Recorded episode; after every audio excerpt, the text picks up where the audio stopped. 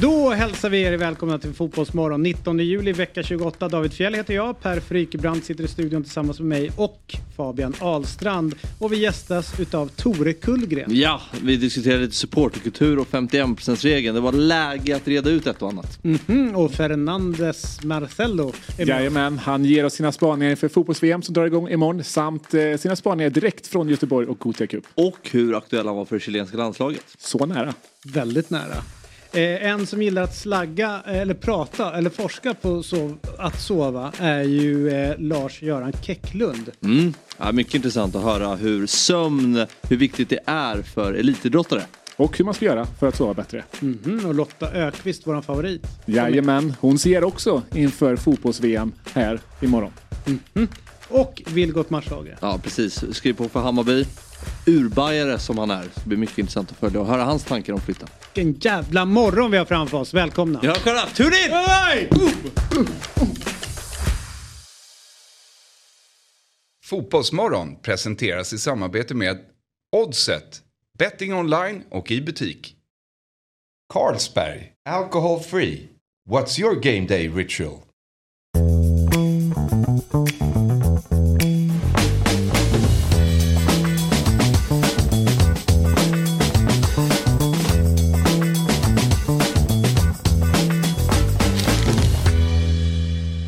Vilken härlig morgon vi har framför oss. Mm. Fabian Ahlstrand och Per Frykebrant. Mm. Mannen från Branten ner mot Fryken. Ja, den är snygg. Ja. ja. Ett av de vackraste eh, namnen, efternamnen vi har i Fotbollsmorgon. Ja, det är Fjäll som är... Ja, det är också väldigt eh, natureskt. Ja. ja. vi har ju alla natur efternamn idag. Mm. Ja, men det har vi ju. Du har ju också. Mm. Alltså, Strandalen. Strandalen, ja. Mm. Är, du, är du nöjd med ditt efternamn? Jag är mer nöjd med mitt efternamn än mitt förnamn. Ja men det förstår jag. Ja. men, men, det är man oftast. Ja. Alltså det finns inte så mycket, det finns ju väldigt lite kreativitet vad gäller förnamn. Ja. Men det finns ju ganska mycket kreativitet vad gäller efternamn. Mm. Där har ju folk fått lite mer frihet de senaste 200 åren. Ja, oh, gud ja. Finns det något efternamn inom fotbollsvärlden som ni tänker så här, mm, det här är ett fint namn? Ja. Alltså jag gillar ju när förnamn och efternamn bildar någonting. Alltså Harry Kane, The Hurricane. Uh. Det är ju liksom, uh. det har ju någonting. Mm. Um, så det är väl, ja, Harry Kane. Harry Kane. ja.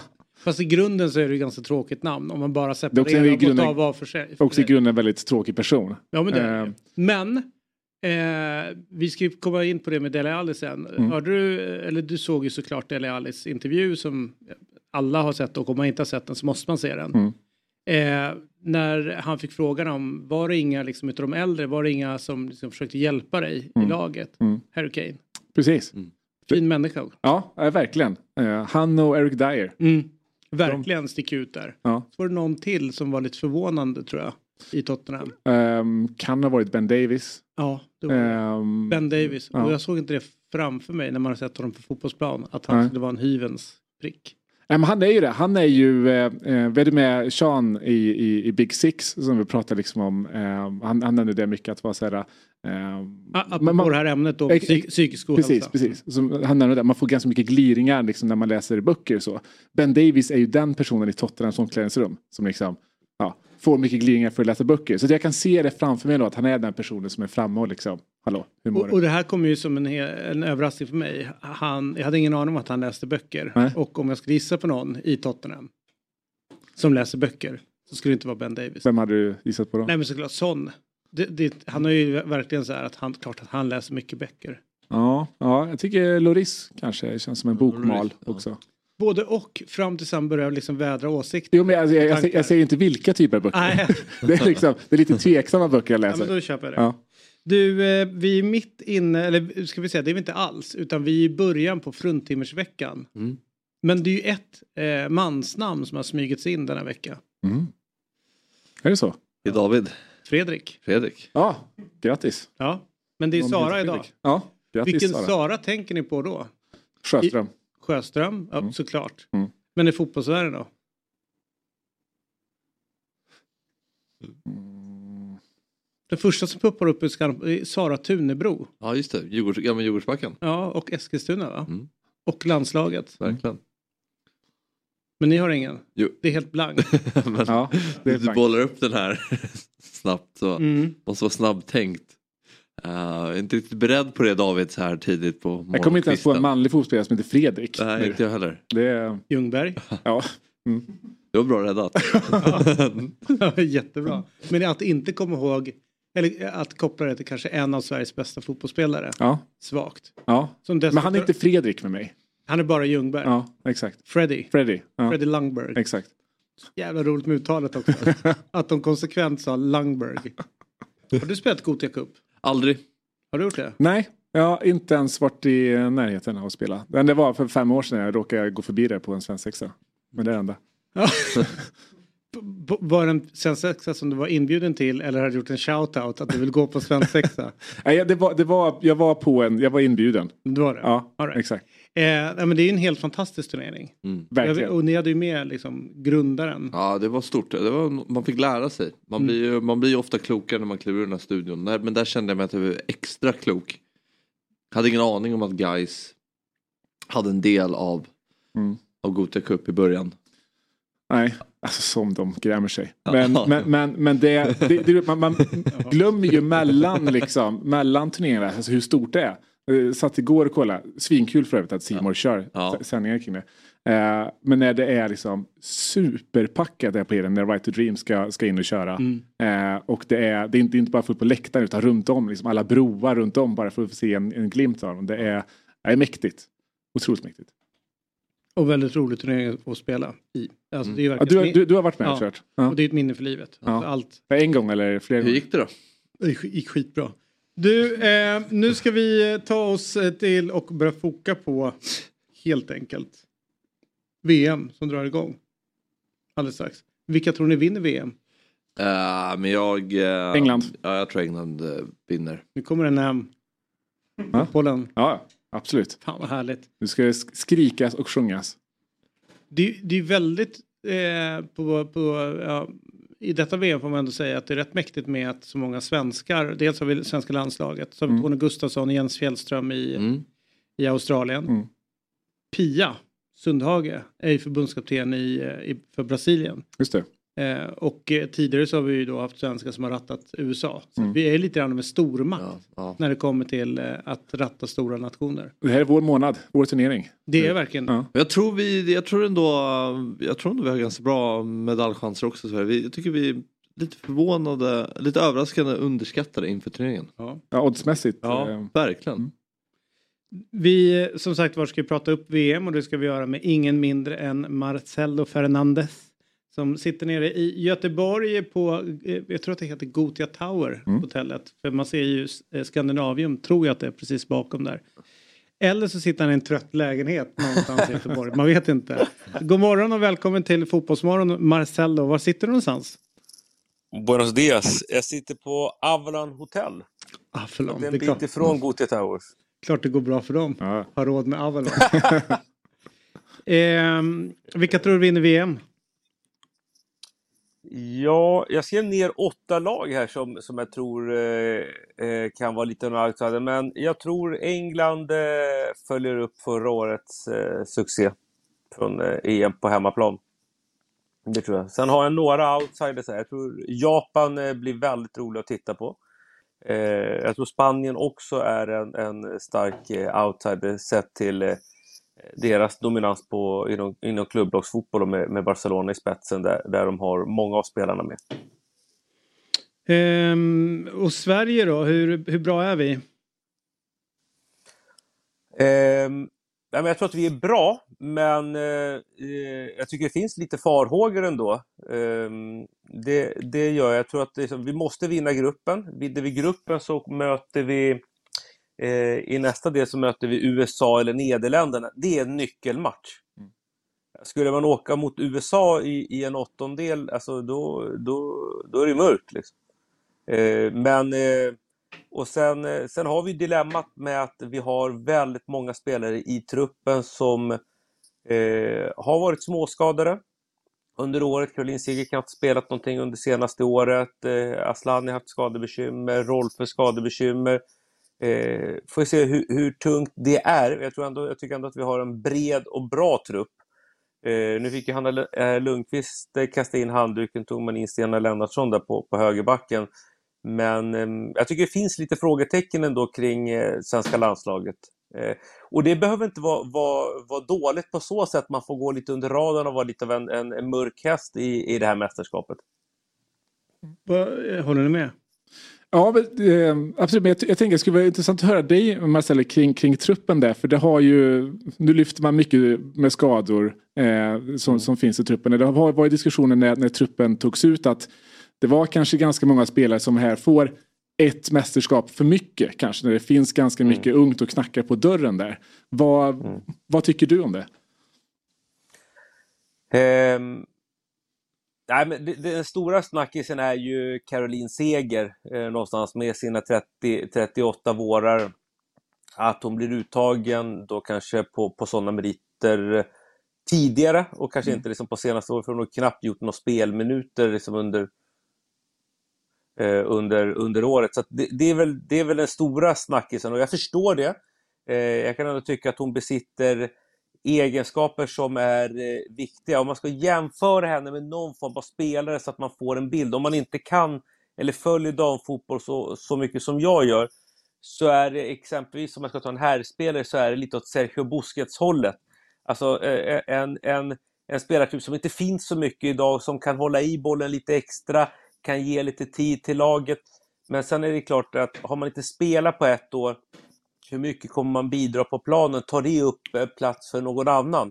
Eh, mm. Det är väl lite sådana diskussioner. Eh, jag kan köpa att hon är med. Jag, jag tror att det är, viktigt. Jag tror att det hade varit, men det hade också varit klädsamt. Hon hade kanske gjort en handfull matcher under, under våren.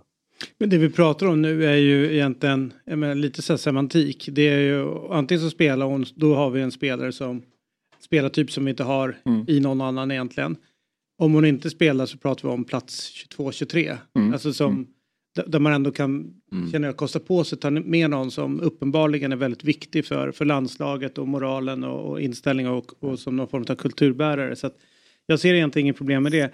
Däremot så är det lika roligt varje gång det är mästerskap och det går dåligt för Sverige så är vi frånsprungna utav resten av mm. världen. Mm. Att vi är för långsamma och fotbollen har liksom sprungit ifrån oss. Men ändå så lyckas ju Gerhardsson eh, skrapa fram tillsammans med Magnus Wikman resultat. Absolut. Så det, det, hur ser du på det liksom, liksom utvecklingen kontra eh, det internationellt och, och, och, Sverige som alltid dyker upp, den diskussionen?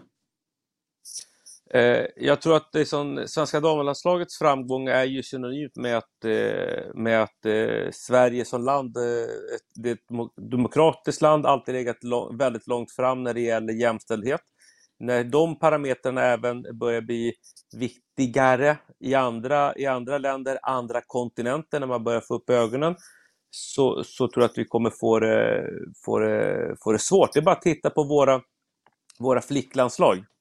Under, under 2023 så har vi spelat 30 matcher, vi har vunnit 8 av dem. Vi har förlorat över 16 matcher. Eh, det, det, det är för mig alarmerande siffror och ändå kan man, eh, kan, kan man höra från vissa att ah, men vi är nöjda. Alltså, då finns det, då finns det en, en nöjdhet med att komma till mästerskap men att inte vinna. Och då, då tycker jag att det börjar låta som herrlandslaget. Ah, vi är nöjda med att ta oss till VM. Sen då? Så att, jag, jag tycker att det är alarmerande sett till den utveckling och hur mycket eh, pengar det finns i, i andra länder, kontinenter och eh, det, det, är bara en tidsfråga innan damfotbollen ser ut som på här sidan för vår del i Sverige. Tyvärr. Du nämner eh, eh stora eh, fotbollsländer och Spanien eh, tar ju kliv hela mm. tiden. Hur ser du på deras chanser? Eh, det var, jag tror vi fick en liten försmak i fjol under EM. Jag tror att de kommer bli bättre och bättre för varje mästerskap. Det, det är en väldigt ny liga. Det är väldigt nya satsningar med Barcelona i, i spetsen vars satsning är en 5-7 år gammal. Real Madrid har två år tillbaka. Så att det är klart, när de, när de klubbarna börjar pumpa in pengar, ha etablerade och duktiga tränare i tidig ålder, få fram egna spelare, så, så kommer Spanien eh, vara ett land som kommer konkurrera om, om eh, titlarna. I år så tror jag att, eh, att man kanske har en semifinalplats i sig. Eh, så pass långt, så det tror jag att man går. Och med lite flyt kanske gå ta en finalplats. Men eh, jag, jag tror inte att de går hela vägen. Vi nämnde ju Austra. Australien och eh, Brasilien här där Australien då har Tony Gustafsson eh, som förbundskapten och eh, Jens Fjällström är med i, i tränarstaben där också. Och sen så har vi Brasilien med Pia Sundhage. Hur ser du på de två landslagen?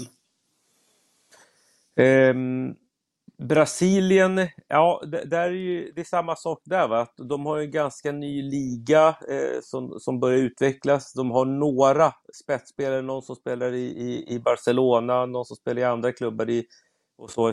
Det är klart, jag tror inte att de går hela vägen. Jag tror säkert att de kan vara med och bråka lite. Men det är lite för, för tidigt. Australien, Eh, Eh, det är ett profilerat landslag. Eh, de har ju två nyckelspelare eh, i, på det centrala mittfältet som bland annat spelar i Allsvenskan. Gori i Vittsjö och eh, Cross i, i Hammarby. Intressant att se hur de står sig på, på en internationell nivå. och Har gjort bra resultat inför mästerskapet.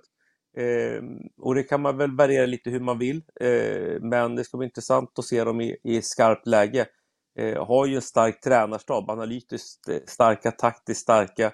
Eh, så att det, det är ett lag som kan överraska, det tror jag. Eh, och så med Kerr på, på topp, och det är en världsklassanfallare. Så att det, det behöver ju ha. Vi har ju suttit här gemensamt och letat efter ditt eh, Chile i, i VM. Men Ja. de torskade mot Ja. Haiti i sista kvalmatchen. Eh, tankar kring det? Beklagar. Eh, eh, ja, nej, men det ledde ju till, det ledde ju till en avsättning av, eh, av förbundskapten, ny förbundskapten. Det är så man jobbar i många av länderna. Går man till ett mästerskap så avsätter man ju. Där är vi lite unika i Sverige. Eh, men eh, ledde till en, eh, till, till en ny eh, förbundskapten eh, som eh, nu får, får dra i det här. Vi har ju världens bästa målvakt på, på damsidan eh, som spelar i, i Lyon numera. Ehm, Så att eh, Kristin Endler, eh, men inte tillräckligt. Vi behöver få fram fler spelare, det är samma sak där. Ligan behöver bli bättre, vi behöver också exportera fler spelare till, till de europeiska toppligorna. Men om de ändå Så att det är en spar- besvikelse. om de sparkade förbundskaptenen, du var aldrig på tapeten? Oh. jo. Eh, eh, nej, på, på långa, det fanns, eh, det fanns via kontakter eh, lite, lite samtal, men inte, in, inget eh, mer än så. Hur stort hade det varit eh, i din eh, pågående men relativt unga tränargärning att bli förbundskapten i Chile? Nej, jag vet inte. Det är klart att det hade varit det. Liksom. Det är klart att det hade var- var- varit det, men jag vet inte om jag hade velat flytta tillbaka. Nej men alltså du hade ju kunnat bo kvar här, det är inga konstigheter. ja. Mm. ja, nej, det, det, ja, det hade säkert varit skitroligt. Det hade. Ärofyllt om inget annat. Fråga om de hade behövt en assisterande då. Då har vi Fan, du vet att du, du, du, du är först på min lista. Dra lite pilar. Ja. Jag hade ju varit med som mood manager. Nej, det är lite men- där inne. Men du, eh, vi ska alldeles strax prata mer om eh, VM som alltså drar igång eh, i den 20. Det är imorgon. Eh, men eh, innan vi gör det så du är också nere just nu och tittar och jobbar med eh, Gotia Cup. Hur roligt och bra är det? Eh, det var så länge sedan jag var här och då är jag här eh, som eh, åskådare, sen har jag varit här som tränare en gång och nu är jag här eh, både som pappa, för min son eh, eh, är med och, och lirar med, med AIKs eh, pojkar 11. Och då i, i jobb. Så att det är en fantastisk upplevelse måste jag, måste jag säga. Otroligt läckert att se hur fotboll är ett internationellt språk man ser på, på gatorna runt Heden, på, på Avenyn, på andra delar här i, i, Göteborg, hur ungdomar från olika länder, eh, att de inte alltid behärskar samma eh, språk men ändå på något sätt via fotbollen kan kommunicera.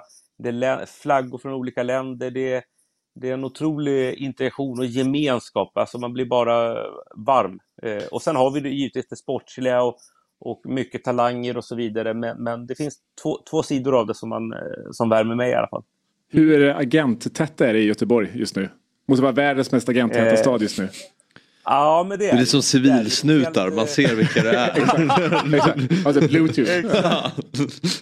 Ja, exakt. Precis. Bara snäckan. Ja. Bara en. Eh, eh, men det är det ju. Det är, det är en hel del agenter, speciellt runt, eh, runt Heden och SKF Arena. Det är väl den stora arenan inne på Heden Mm. i centrala Göteborg med, med läktarna. Tar lite drygt 8000. Eh, och speciellt när eh, det ghanesiska laget eh, Mm. Right to Dream spelar, som är en attraktion i, i sig för den här eh, turneringen. Ja, verkligen. Alltså satan vad bra. Alltså så, så välutbildade. Och liksom det var... Det, det är ju färdiga fotbollsspelare hela bunten. Känns det som. Ja, de var enormt. Det fanns ju några drakar där som... Eh, det finns ju några spelare som har stuckit ut. Det roliga med Right to Dream också, det är att de faktiskt tränas av Jimmy Traoré, gamla vänsterbacken i, eh, i Liverpool. Just det. All right. Som startade Champions League-finalen Mm. där eh, 06. Det är en Quisaleta-fråga, kille. 05. 05. 05. Ja, du ser fan. Bra. 05, Det är precis. min Ja, gräns. 06 i, i Barcelona. Nej, men de har några spelare som, som, som sticker ut där. Eh, eh, Adekami, eh, Giacchini, liksom, så att de, de har Diallo, de har några spelare som är som man känner så här, fan, kan, kan till och med ens vi allsvenska klubbar plocka de spelarna eller är de redan på en hylla över Mm. så att man får eh, titta liksom på, på spelare Mm. eh, lite längre ner i den, i den rangordningen. Men eh, de sticker verkligen ut. Och sen finns det också finns några svenska, eh, eh, Jona Kusiasar i AIK. Också en spelare som, eh, som sticker ut. Eh, son till Dr. Jonas. Kusiasar. Mm. Precis. Eh, sticker ut eh, i den här, men eh, det är också ett lag som skulle kunna, kunna gå långt i, på, på Mm. pojksidan.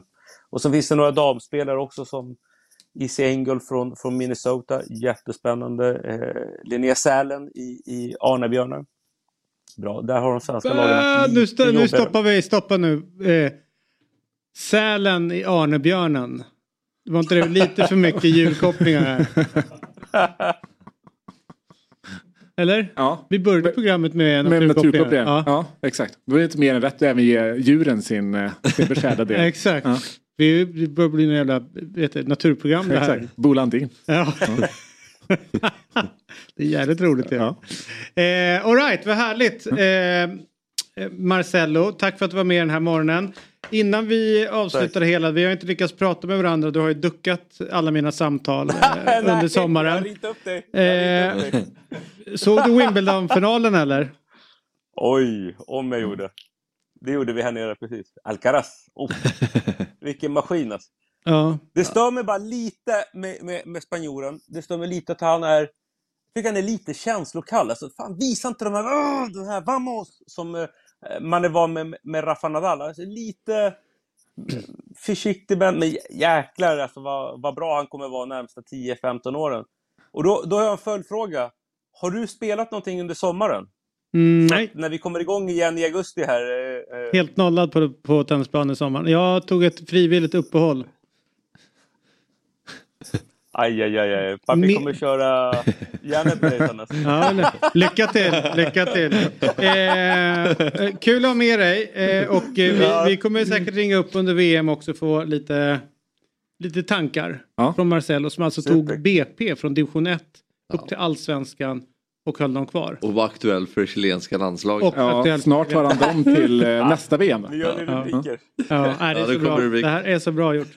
All right, eh, imorgon drar alltså VM igång i Australien och Nya Zeeland och eh, vi ska såklart följa det mästerskapet här och vi ska följa dina och era sändningar från Gotia Cup på Simor också. Eh, tusen tack för att du var med Marcello. Tack snälla. Ta hand om mig kille. Ha det bra. Ring om det är något. Ciao, ciao. Ja. Finns det någon Alltså, som någon gång har ringt dig? ja, jag gjorde det sig igår när det var något. Jag låg sov.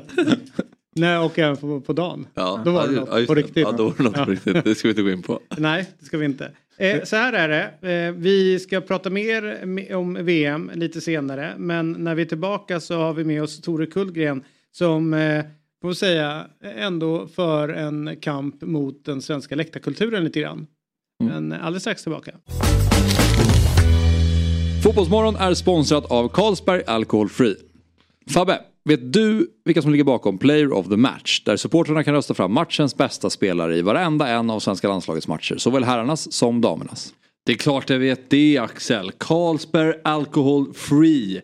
Och jag vet att det är 10 000 som går till organisationen Locker Room Talk för varje vinnare. Jag kan allt som har med fotboll att göra. Det vet du ju Axel. Ja, jag vet, jag vet. Det finns ingenting som undgår dig. Men vem i landslaget tror du kommer få flest eh, utmärkelser under VM? Ja, men det blir otroligt viktigt att de senaste årens stora stjärna Kosovare Aslani fortsätter leverera i landslagssammanhang. Hon är Sveriges nyckel till den sista tredjedelen anser jag. Mm, Okej, om man väl är där i den sista tredjedelen då, vem ska göra det där? Ja, men det finns ju väldigt många riktigt duktiga avslutare i svenska landslaget. Men den viktigaste pusselbiten tycker jag ändå är Fridolina Rolfö. Kan hon vara i form har Sverige en anfallare av absoluta världsklass.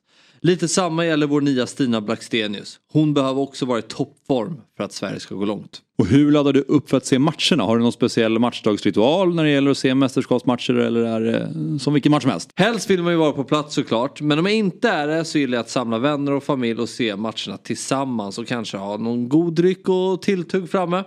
Eh, nu blir det ju lite speciellt med tanke på att matcherna startar väldigt tidigt svensk tid.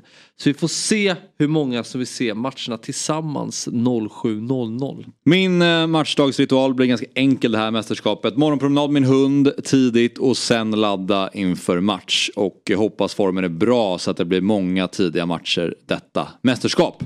Vi säger stort lycka till till vårt landslag i sommar och tack Carlsberg Alcohol Free som är med och sponsrar Fotbollsmorgon. Nu hämtar vi hem guldet! Jajamensan! Ett poddtips från Podplay. I podden Något Kaiko garanterar östgötarna Brutti och jag, Davva, dig en stor dos skratt. Där följer jag pladask för köttätandet igen. Man är lite som en jävla vampyr. Man har fått lite blodsmak och då måste man ha mer. Udda spaningar, fängslande anekdoter och en och annan arg rant. Jag måste ha mitt kaffe på morgonen för annars är jag ingen trevlig människa. Då är du ingen trevlig människa, punkt. Något Kaiko, hör du på Podplay. Därför är gardinerna.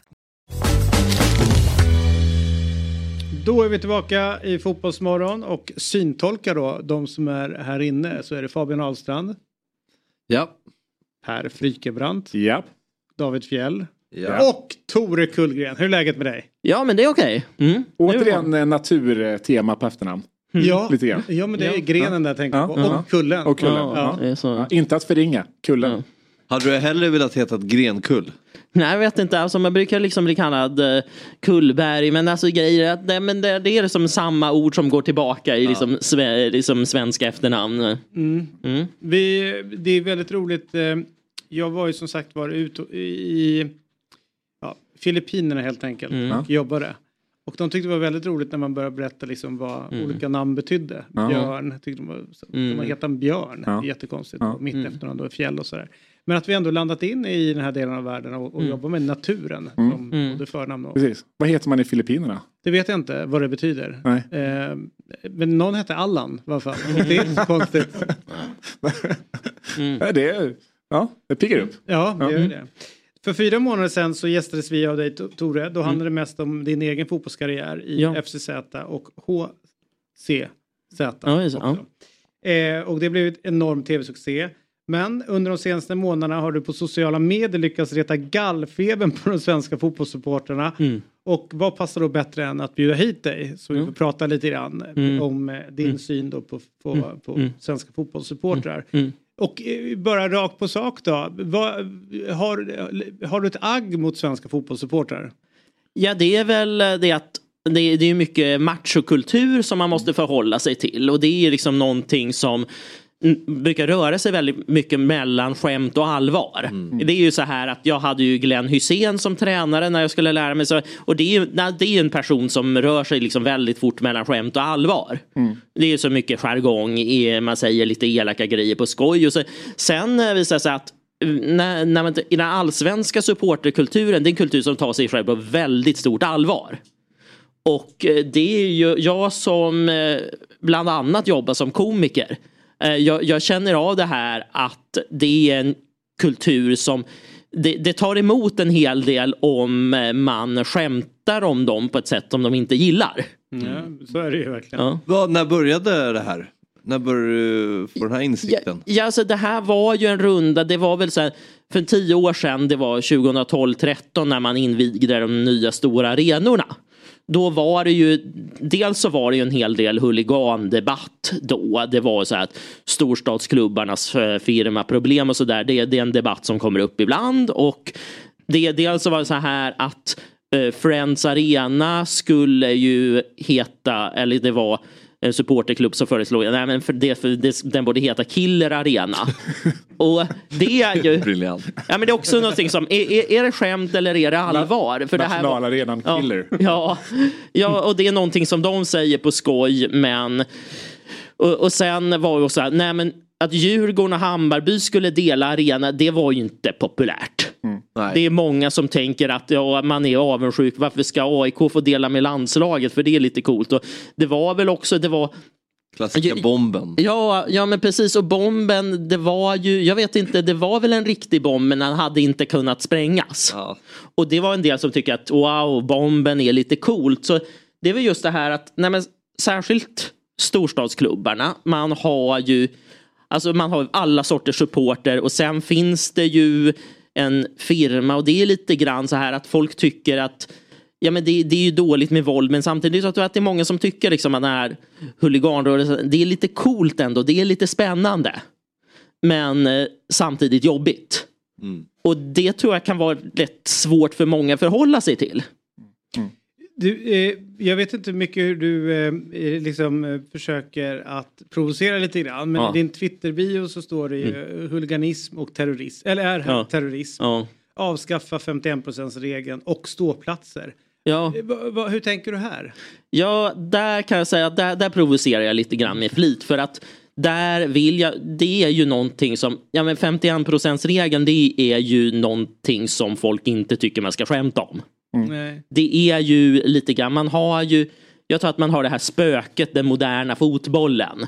Man har against modern fotboll, man är rädd för att ja, hela fotbollen kommer bli kommersiell och då blir det som i England att biljetterna blir skitdyra och då dör läktarkultur. Jag tror att, ja men det är folk och där tror jag lite grann att Ibland så måste man på något sätt välja sida, antingen firman eller den moderna fotbollen. Då kanske man väljer firman. Även om de är som ga- ganska stökiga grabbar. Nej, men, och där, det jag märkt är så här att ja, men det är ju någonting som jag har ingen status att försvara. Jag är ju liksom känd som den här nörden som är jättedålig på fotboll, egentligen inte intresserad av fotboll. Är du intresserad? Ja, alltså man, det är så att man, man följer liksom eh, landslaget till och från. Jag har haft liksom projekt där man ska tippa alls. Jag följer ju inte klubbfotboll nu heller. Men så det, det är också någonting som man märker Nej, men särskilt när det har varit en del eh, liksom, läktarincidenter. Det här är någon, jag vill på något sätt påminna, alltså, att fotbollen påverkar ju samhället runt omkring. Ja, absolut. Och ja, fotbollen påverkas av samhället runt Ja. omkring också. Det, det är liksom de omvända. Eh, och lika mycket. Men, men vad, eh, så jag tänker ta med 51% regeln där. Är det någonting du, du tycker eller är den för att liksom provocera för att kanske belysa lite debattklimatet i, i fotbollen? Ja, alltså där var jag, jag... Jag tycker väl att svensk föreningskultur och svensk ideell kultur är bra. Men jag märker att det här är en fråga som man inte riktigt får liksom diskutera. Utan det är ju det är någonting som man har liksom en, på något sätt en åsiktskorridor att alla ska tycka likadant om någonting. Precis. Jag, jag, jag, jag delar den bilden. Jag håller inte med dig om 51 regeln. Nej. Men jag håller verkligen med dig om att det finns lite av den här åsiktskorridoren generellt. Vilket faktiskt är ganska negativt för liksom svensk fotbollsutveckling. Ja. Må, många klubbar också. Jag tror Jesper Jansson har varit ute och pratat om att så här, den är också ganska liksom, kontraproduktiv för utvecklingen. Att vi kan Mm. inte diskutera stora frågor om det är Mm. konstgräs eller om det är VAR, för- ja. till exempel. Utan det hela tiden liksom Mm. stängs ner direkt. Att nej, Mm. det ska vi inte Ett diskutera. hot mot svensk fotboll och... Precis, ja. för att ta liksom, jag är supermycket för 51% seger men det finns så mycket där som vi kan bli bättre på. Alltså vi, vi maximerar inte möjligheterna med, Mm. med 51% regeln för att vi inte diskuterar för och Mm. nackdelar med den. Eh, Mm. Så det tycker jag, även om jag inte håller med i frågan, alltså, det tycker jag ändå eh, är Mm. li, lite behjärtansvärt att ändå så här, poängtera den lilla åsiktskorridoren som, som, Ja. eh, som finns i svensk fotboll. Ja, och då kanske det är så här, nej men förr fick man inte kritisera kungen, då fanns det en hovnarr som fick säga de här elaka sakerna om kungen som alla ville höra. Jag kan väl säga att jag kommer in som den svenska fotbollens hovnarr. Mm. Ja. Mm. det var faktiskt kul. Ja, för att det, det, jag tror att alla liksom delar av samhället, man behöver någon som kommer in utifrån. Och det, är inte, det, det är väl just det här som man känner av att eh, Fredrik Reinfeldt, han är inte alltid populär som SVFF-ordförande just för att han är inte från idrottsrörelsen från början. Mm. Och det är många som tycker det är så därför att det, det är någonting man märker med liksom supporterkult. Man pratar om det ska vara äkta. Äkta det är liksom när man går på flest matcher. Då det är det som räknas. Det är inte om man kommer in från liksom politiken eller från pengar. Det, det är lite fulare. Och det, det är jättefult att jag kommer in från ingenstans och har åsikter. Eh, men du, eh, det finns så mycket när man går igenom din, Mm. ditt Twitterflöde där man, om man vill botanisera i, för Ja. du, får säga, man får ändå säga att du har varit ihärdig och Ja. du har slagit åt många håll. Ja. Eh, Det är väldigt roligt, du förtjänar fler Twitterföljare än vad du har. Eh, men Mm. eh, du har fått eh, stor kritik Mm. där en, en, en tweet menar att man väljer ett lag att heja på och då Ja. kan man väl följa ett lag som inte har kända huliganproblem. Ja, och det här är också, skulle jag säga, lite medvetet fräckt. För att, nej men det är klart att folk är ju klubbpatrioter. Man har ju polare på läktaren och man har det och, och samtidigt så är är det också så här att nej men man kan ju heja på landslaget. Många har liksom en favoritklubb i Premier League. Man har liksom sen om dina barn spelar i liksom en, en lokal klubb så går det ju att heja på dem också. Men det sen, sen kan man undra, det, det kanske är lite av ett så här ett storstadsfenomen att om man bor i Stockholm eller Göteborg då blir det så här att då har man valt en av klubbarna som man håller på. Alltså, om man till exempel bor i Helsingborg, där finns det ju liksom bara en allsvensk klubb. Ja, inte någon faktiskt. Nej, inte längre. Har han halkat ner i ettan? Eller? Ja, de ligger i superettan. Ja. Helsingborg. Ja. Snart inte ens där längre. Nej. Ja, de vann i helgen. Ja. Men jag fattar vad du menar. Ja, ja, Men, ja men precis. Och det här är också någonting som eh, eh, Alltså läktarkulturen, man, man kommer ju på något sätt behöva det är ju liksom en väldigt speciell miljö på läktaren. Folk gillar varandra men det, det har man ju liksom i bandy och handboll också. Så här. Men grejen är, det, det är väl just det här man vill ta upp det här att alltså, många supportrar kanske tar sig själv på lite stort allvar. Det, det som är spännande är ju det här med att heja på ett lag. Alltså vad är det man, vad är det man hejar på egentligen? Ja. Jag berättade för vår gode vän här Fabian att Mm. jag sitter och kollar igenom alla Seinfeld-avsnitt Mm. igen. Mm. Och i ett av avsnitten så börjar han prata om det här just att heja Mm. på ett lag. Ja. Och vad är det då man hejar på? Alltså om du har en spelare i ett lag Mm. och så står du och dyrkar den spelaren och, och älskar Mm. den spelaren och, och liksom eh, jag vet en, eh, ja, ramser som är väldigt nä, nästan gudlik. att Man lyfter upp Mm. den här människan Mm. på en pedest- pedestal. Mm. Sen byter eh, den här människan en tröja och sätter Mm. på sig en annan lags tröja. Mm. Och då börjar man hata den här människan Mm.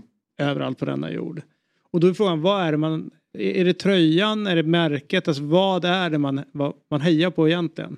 Det, det där är något intressant i vår biologi. Liksom, hur kan det vara att när man börjar kolla på ett lag när man är sex år och sen så helt plötsligt blir det en så viktig del av ens identitet. Mm. Men det är just identiteten i det som gör att så här, jag tror inte man kan se så här konformistiskt på Mm. liksom, att heja på lag. För att Mm. det är ju en identitetsmarkör. Jag, menar, jag Mm. identifierar, mig, för, identifierar mig först och främst som värmlänning. Ja. Men det finns ju värmlänningar som är idioter också. Mm. Eh, och alltså, jag menar, så att jag håller inte med om att man inte ska kunna liksom, Mm. eh, att man möjliggör huliganism eh, Mm. om, om man håller på ett lag som har huliganer. Eh, jag möjliggör inte... Vad är en huligan? Eh, fattat det. definitionen är ju alltså att definitionen av huliganism är ju våldsamhet i anslutning till sport. Mm. Eh, så, och den definitionen, använder vi den på huliganism så är väl 99,9 procent emot. Inte huliganer. Ja, inte huliganer och emot huliganer. Men det jag tänkte med Tore då som kommer in lite grann från utifrån och tittar Mm. på det här. Blir det konstigt när du ser hur, hur, liksom hur hårt folk faktiskt eh, gillar den här tröjfärgerna? Alltså blir det någon, Ja. det, så blir det någon Ja, ja, så det... Ser du det i andra sammanhang? Ja, ja, ja alltså det, det är ju lite jargong och det är ju som någonting som jag tror att man märker liksom Ja, jag menar, va- vare sig man är, det, det kan vara jargong på vilken arbetsplats som helst, på liksom vilket kontor och verkstad som helst också.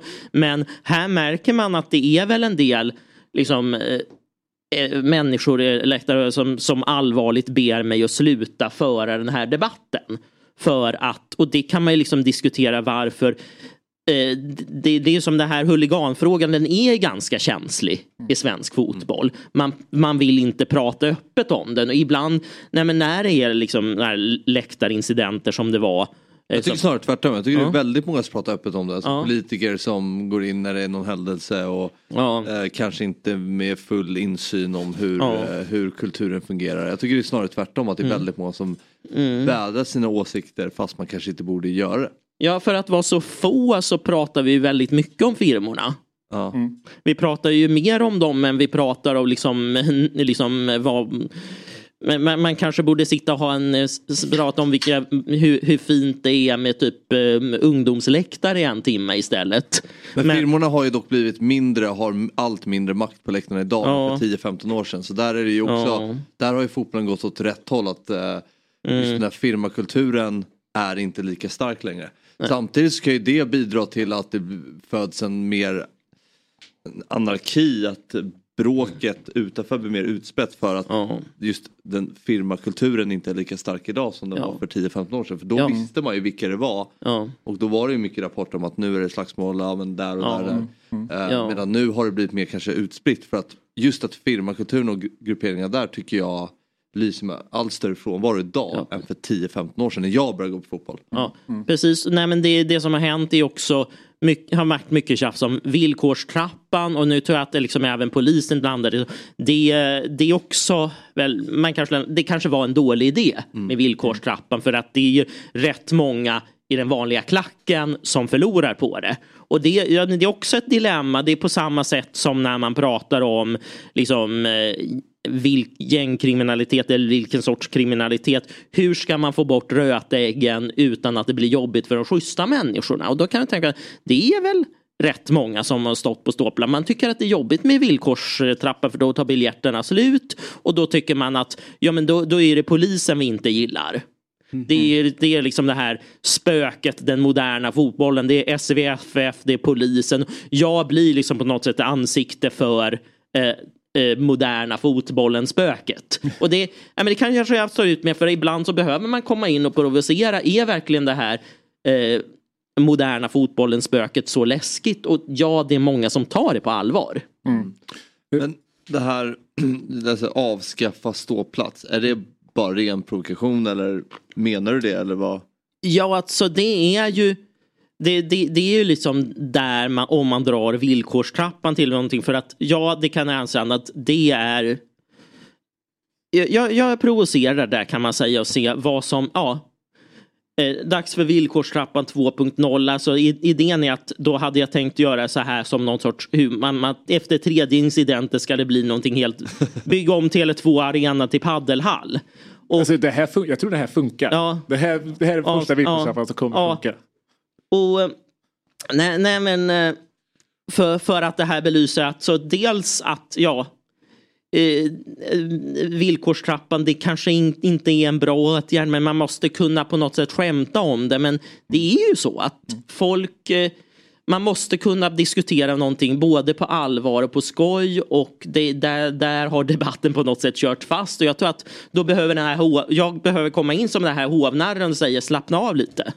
Och det har svårt Har du fått eh, några hot i samband med det här? Eller har folk blivit ja. arga på det på riktigt? Nej, alltså folk, det, det handlar ju mycket om så här jargongen. Du är efterbliven, du är utvecklingsstörd och det är som någonting som folk säger emellan. Men alltså ingenting som jag upplever som eh, liksom så kallade kvartssamtal eller liksom seriöst. Det, det är ingen som har sökt upp mig seriöst. Nej. Utan det är ju, det, det, alltså det är väl eh, möjligen det här att det, det, det, det, jag tror att man får tåla det lite grann. Det är lite jargong. Man säger elaka saker till varandra både liksom från, eh, liksom från läktaren i klacken och i, liksom i debatten på nätet. Sen Twitter, det är, liksom, det är lite tuff plattform också. Det är lite som Flashback har varit. Att det, det är ju machograbbarna och...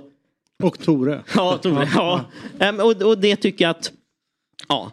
Det är och då, det, man säger elaka grejer lite med glimten i ögat men det är, det är inte alla för alla. För många så är det här det viktigaste som finns. Mm. Du, eh, vi har ju ett fotbolls-VM som börjar innan vi avrundar med dig. Var det, ska du följa det som drar igång nu? Ja, det, det är väl lite konstiga tider. Det är, är det Australien? Ja, och Nya Zeeland. Ja, Nya Zeeland. Ja, det är eh, morgonmatcher. Ja. Jajamän. Jag kan, kan vara live här. Nej, men det är och, om man kommer upp på morgonen så. ja. Men, ja. Tar du upp till den här tiden så hinner du se slutet på ja. många matcher i alla fall. Mm. Ja, ja, men det är väl lite så här att eh, både herr och damlandslaget som det är nu, de, alltså de är på något sätt sämst i de stora mästerskapen. Mm. Ja, alltså, jag vet, har damlandslaget någonsin tagit guld? De tog ja. guld någon gång på 90-talet. Nej, ingen guld. Ja, i, i, ja, nej precis. VM, har VM har vi inte tagit. Ja. EM-guld har vi tagit. Mm. Silver. Eh, men du, eh, vad härligt. Vi måste ju ändå bara ställa frågan, vad har du för favoritlag i fotboll då? Ja, så när jag, jag växte upp på Lidingö, där var det mycket Djurgården. Mm. Och då är väl det, det, har varit, sen när vi började med FCZ då blev vi lite grann adopterade av Hammarby. Då spelade vi mot Djurgården. Mm. Och nu eh, i, jag hänger mycket på Söder och då tror jag att det är ju det, då är det Hammarby som gäller men ja. Blandat. Så du, du, då har du aktivt valt en klubb som inte har några huliganproblem konstaterar jag. Ja eller liksom. ja, men det, ja. Mm. Mm. Men jag, tycker jag, jag gillar att du är ute och svingar. Liksom, för som sagt jag tror det är bra att liksom, sätta ljuset på den här åsiktskorridoren. Men det är ju så också att det, det, det, det kan vara lite kontraproduktivt också. För jag tror att mycket mm. Eh, när vi är inne på det här med, med, mm. med liksom, du var inne på gängkriminalitet mm. där. Och till ja. exempel eh, det är ett problem som, fotbollen är inte helt isolerad från samhället. Mm. Eh, fotbollen är en del av mm. samhället. Mm. Samma problem som finns i samhället finns i fotbollen. Eh, när vi pratar om är det till exempel i skolan, vi, vi säger inte åt skolan liksom hytter med fingret att säga nu fan löser ni det här problemet i, eh, på skolgårdarna med kriminalitet utan vi ger dem resurser. Ja. Och den liksom, tonaliteten finns inte riktigt mot, mot fotbollen och då blir det liksom det här ja, fotbollen, ni måste lösa det. Då blir det liksom det här då blir det ett lag, en lagkänsla. Då är man antingen ja. liksom ja. för supportrar eller mot supportrar. Ja, ja men precis och då har man den här idén att nu är det polisen och SEFF och liksom eh, kapitalet och så här som är mot oss. Och då, då kanske man, eh, då, då, då enas hela ståplatsläktaren. Precis, för, för mm. när man målar upp hela fotbollskulturen, ja. det, det, är då det blir så. Mm. Eh, för det finns ju på samma, jag tror ståplatsläktarna består eh, av jättemånga människor som vill liksom ja. bli av med kriminaliteten där på samma sätt som ja. Eh, och de vill ha resurser till det på samma sätt som skolorna vill ha sina resurser för att bli av med kriminaliteten på, på sina skolgårdar. Ja men precis och sen är det som man kan kritisera polisen för mycket, man kan kritisera SVFF för mycket också. Så den debatten kommer ju fortsätta. Mm. Mm. Så är det du, tusen tack för att du tog det upp så här mm. tidigt på mm. morgonen. Vi har ju båda två problem mm. med tidiga morgnar. Mm. Så att det är en prövning mm. för oss. Mm. Eh, och härligt att ha det här. Eh, sista frågan eh, innan vi släpper dig. Tror du att Glenn Hyséns IFK Göteborg kommer klara sig kvar i allsvenskan eller inte? Ja, alltså det, alltså de ligger väl på kvalplats nu. Och jag det... säga att det är nedflyttningsplats. Okej, okay, till och med. Ja. Nej men det, jag de, de kan nog klara sig på håret. Mm. Mm. Ja, vad härligt. Mm. Tack så hemskt mycket för den här morgonen ja, Tore. Tack, tack. Mm. Tackar. Mm. Tack så mycket. Ja.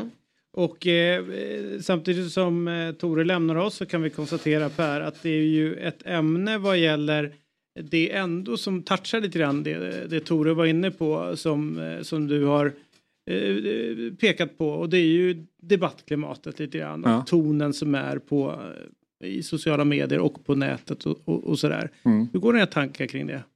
Nej men alltså precis så som man var inne på att det är ju väldigt mycket, alltså den här lagkänslan man känner på läktarna som supporter.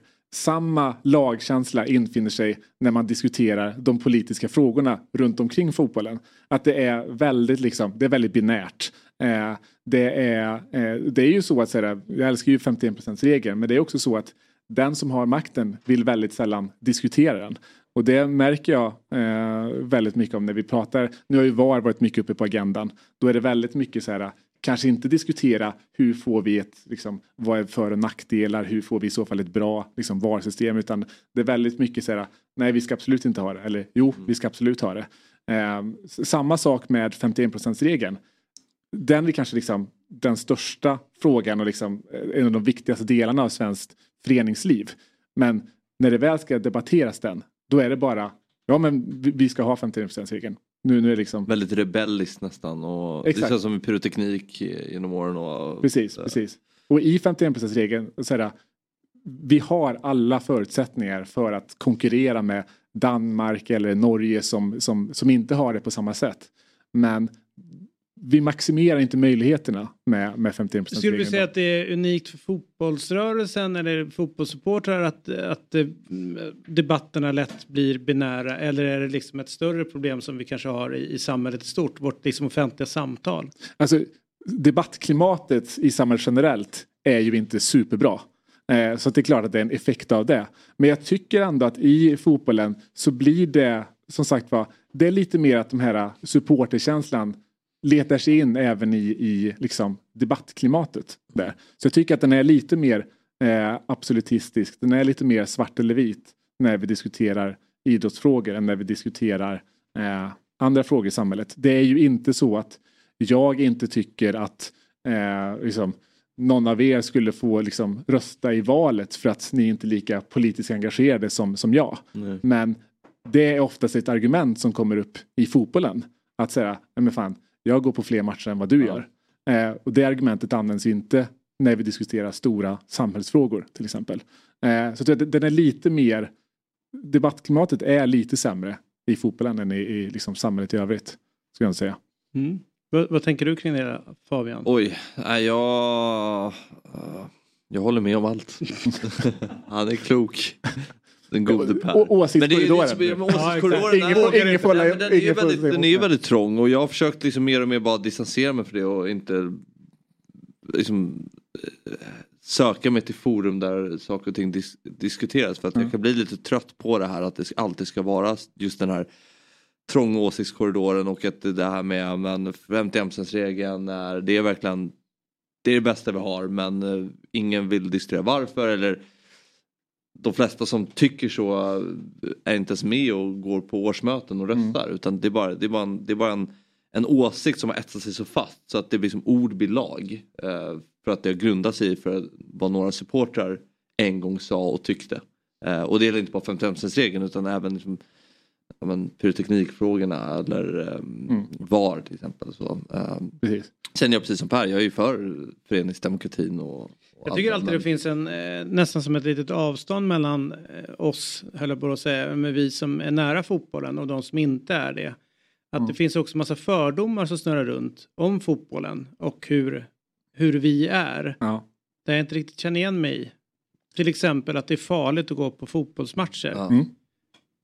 Det, det är en majoritet av de som inte går på fotboll. De säger att det är farligt. Men jag tror att siffran är väl 83 procent eller mer. Mm. Som känner att det absolut finns ingen fara överhuvudtaget att gå på fotboll. Och så är det några som kanske tycker att vissa typer av matcher. Mm. Där finns det någonting som stö- skaver.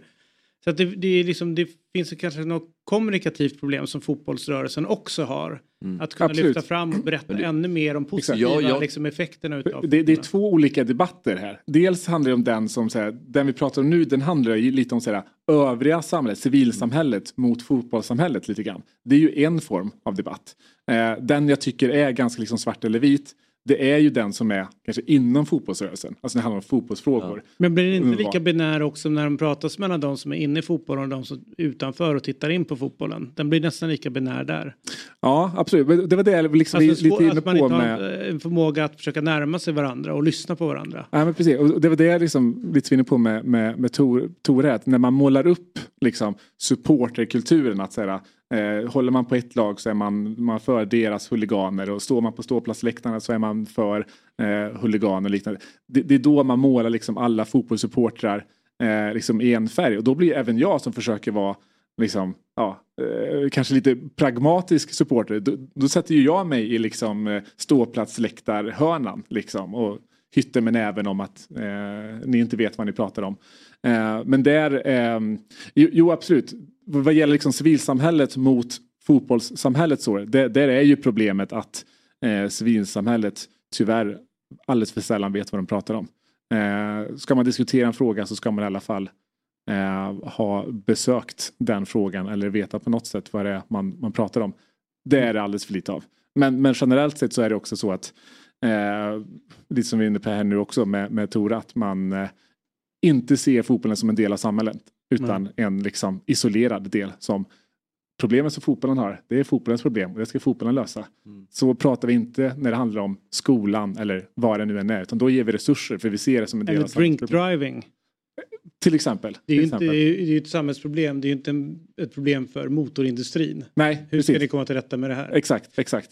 Eh, jag, jag, kan tycka, jag, tycker, jag tycker det är intressant med just de här när man slänger sig med begreppen huliganism och huliganer. Absolut. vad som är en huligan. Eh, för när jag började gå på fotboll, det jag sa till Tore var ju att då var det tydligt vilka som var huliganerna. Och jag tyckte att de var ganska avgränsade mot andra supportrar. Idag tycker jag att de har allt mindre, i, i synnerhet i Stockholmsfotbollen, allt mindre makt på, på läktarna. Men att jag tycker, det jag har märkt, kan jag helt fel, men att våldet och bråket utanför arenorna sprids och blir mer av liksom det blir mer bland vanliga supportrar än vad det var förut. Att, att bro, våldet blir mer utbrett. Liksom lite mer anarki i sport. Att det inte finns några, det finns ingen hierarki där utan det, det, det sprider sig lite här och var. Uh, och, och där tycker jag det är intressant för man, man pratar om huliganproblemen att det är ett jätteproblem vi har men, men vad var det faktiskt de största, eller de starkaste huliganerna gjorde som var positivt? Att kanske att de hade sin, sin del av våldet men resten släppte dem. Uh, förstår du vad jag menar? Typ. Men eh, ja, låt oss, låt oss prata vidare om själva eh, Mm. det problemet. Jag, jag håller med om det, men jag tycker väl också att det minskat rent generellt. Runt stök, runt matcher. Nu, nu kanske Ja. jag är blind för saker, eh, men de senaste åren jag har gått på fotboll, nu var inte jag på det derbyt som, som många pratar om som var på, i telefonkiosken, men jag har inte sett någonting. Alltså jag har inte sett Nej. några rusningar, Inte något jag. bråk, inget stök. Flera år Nej. matcher. Inte jag heller. Däremot liksom förr i tiden så tycker jag det var Ja. efter Du var har ju varannan varit match gått- så var det ju stök. Det Liksom. har ju gått längre med också men det är mer vad man får höra med incidenter som händer vid liksom, anslutning till arenan och sådär. Eh, eh, men ja, jag håller med och det är ju bara bekräftas av statistiken. Där tycker jag på ett sätt eh, fotbollen generellt kan bli bättre. Alltså även från förbundshåll att liksom prata om publikutveckling till exempel. Jag menar jag var på Djurgården-Malmö i, i måndags. Det var ju 26 000 under liksom, Tele2 Arena under, du var ju också där. Mm. Under liksom, semestertider men nej, det, nästan aldrig upplevt det. Precis, sen ska vi, det, det som väldigt sällan tas upp är att säga det var 2,7 miljoner besök på allsvenska arenor i fjol. Eh, adderar man ihop liksom de eh, våldshändelser som har varit är det ganska många eh, nattklubbar och festivaler och konserter och eh, ståuppshower till och med som skulle liksom döda för den, den ration liksom, eh, besökare kontra liksom, Ja, våldshändelser eh, som, som fotbollen har. Eh, men det pratar jag tyvärr inte lika mycket om. Så är det. Nu har klockan blivit nio och vi ska vända våra blickar mot en sömnforskare från Stockholms universitet, Lars-Göran Kecklund. Och det är på det sättet att Dele Alli, som alla känner till, eller de flesta, en, eh, kom fram i, i London-fotbollen, eh, spelade under ganska lång tid i de lägre divisionerna. Eh, innan han då plockades upp eh, utav eh, Tottenham från Watford om inte jag är helt fel. Eh, Eller- Milton Keynes. Milton Keynes var det helt rätt. Eh, där många av de stora lagen hade mött Milton Keynes och noterat hans kapacitet. Men det var först Tottenham som plockade upp honom. Och han har gett en intervju med Gary Neville som har fått stor uppmärksamhet. Eh, där berättas det för oss att eh, Ali har brottats med eh, minnen från en väldigt trasig barndom där han blev sexuellt antastad redan som sexåring. Han delade även med sig av sina svåra sömnproblem för att glömma sina tidigare trauman så började han självmedicinera och så småningom så blev han beroende av sömntabletter. Tabletterna fick han utskrivna och för att eh, hantera sömnproblemen som kan följas av de höga adrenalinhalterna som kommer av att spela fotboll. Och enligt Dele Alli så är det här ett stort problem inom fotbollen. Och för att förstå bland annat elitidrottens påverkan på sömn så har vi med oss då sömnforskaren Lars-Göran Kecklund. Och eh, först och främst välkommen till Fotbollsmorgon och den obligatoriska första frågan. Vad är din relation till fotboll? Eh, Tack så mycket. Jo, jag är en stor fan av fotboll. Jag följer bland annat Premier League hyfsat väl sådär och vet ju vem Ali är liksom. Har ju sett honom och vet att det är en om jag minns rätt, han har väl varit i landslaget i England va? Absolut, Mm. det stämmer. Skickade Sverige ur VM 2018. Ja. Bland Precis. annat. Ja. Mm. Men det är ju spännande det här med eh, att eh, det verkar vara utbrett inom fotbollen med eh, ja, ta hjälp av mediciner för att sova. Hur svårt eller hur stor påverkan har adrenalinpåslaget som, som uppstår i samband med, med, en, med fotbollsmatchsömnen? Alltså först och främst så tror jag att sömnproblem hos elitidrottare är mer vanligt förekommande än vad man tror. Och kanske särskilt de idrottare som fotbollsspelare som utför sin prestation på kvällen. Eh, för det är ju naturligtvis en fotbollsmatch innebär ju liksom ett väldigt kraftigt stresspåslag, jättemycket uppvärmning, adrenalinpåslag och så vidare. Och sen, och det tar tid att liksom stänga av det här och varva ner. Eh, men det är inte bara det, utan efteråt så kanske man efter matchen, om det inte gick så bra som man hade önskat, så kan det ju vara att man börjar älta och fundera på varför presterade jag inte bättre? Varför förlorade mitt lag? Vad hade jag för ansvar i det här då? Och det kan ju leda till att man eh, ligger vaken lång tid in på kvällen, natten helt enkelt, somnar sent, får sömnbrist, orolig sömn helt enkelt. Hur, eh, hur mycket skulle du säga att det påverkar en, eh, om man vänder på, på eh, liksom scenariot, att du ligger och oroar dig inför en prestation, att du börjar få stresspåslaget redan innan du går och lägger dig till matchen som är dagen efter. Hur stor påverkan har bristande sömn på själva prestationen? Man kan säga så här att jag tror egentligen att själva oron ofta är faktiskt värre som sömnstörare än själva fotbollsmatchen. Men jag tror att det är viktigt här, och det är naturligtvis så att, att eh, den här stresspåslaget och sömn, det går ju liksom hand i hand. Och det är ju så, har man hög stress så behöver man ju en bra återhämtning. Det är ju väl känt bland idrottare. Och sömnen är ju den viktigaste komponenten i återhämtningen.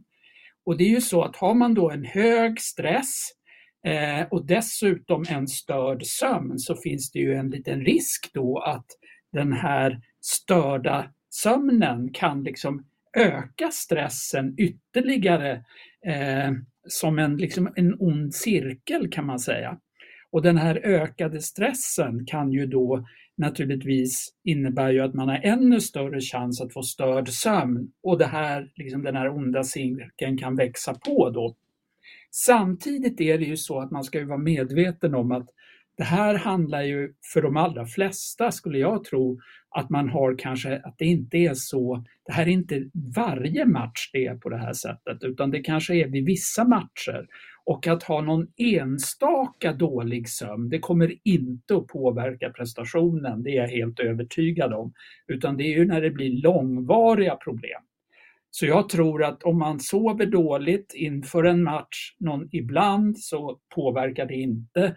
Gör man det jämt så tror jag att det kan påverka ganska mycket negativt. Och jag har funderat lite på vad som skulle kunna innebära. Ja, dels tror jag att man faktiskt presterar lite sämre på planen. Jag tror att man får svårare att orka med riktigt hård träning på grund av för lite återhämtning. Jag tror att det är en ökad skaderisk.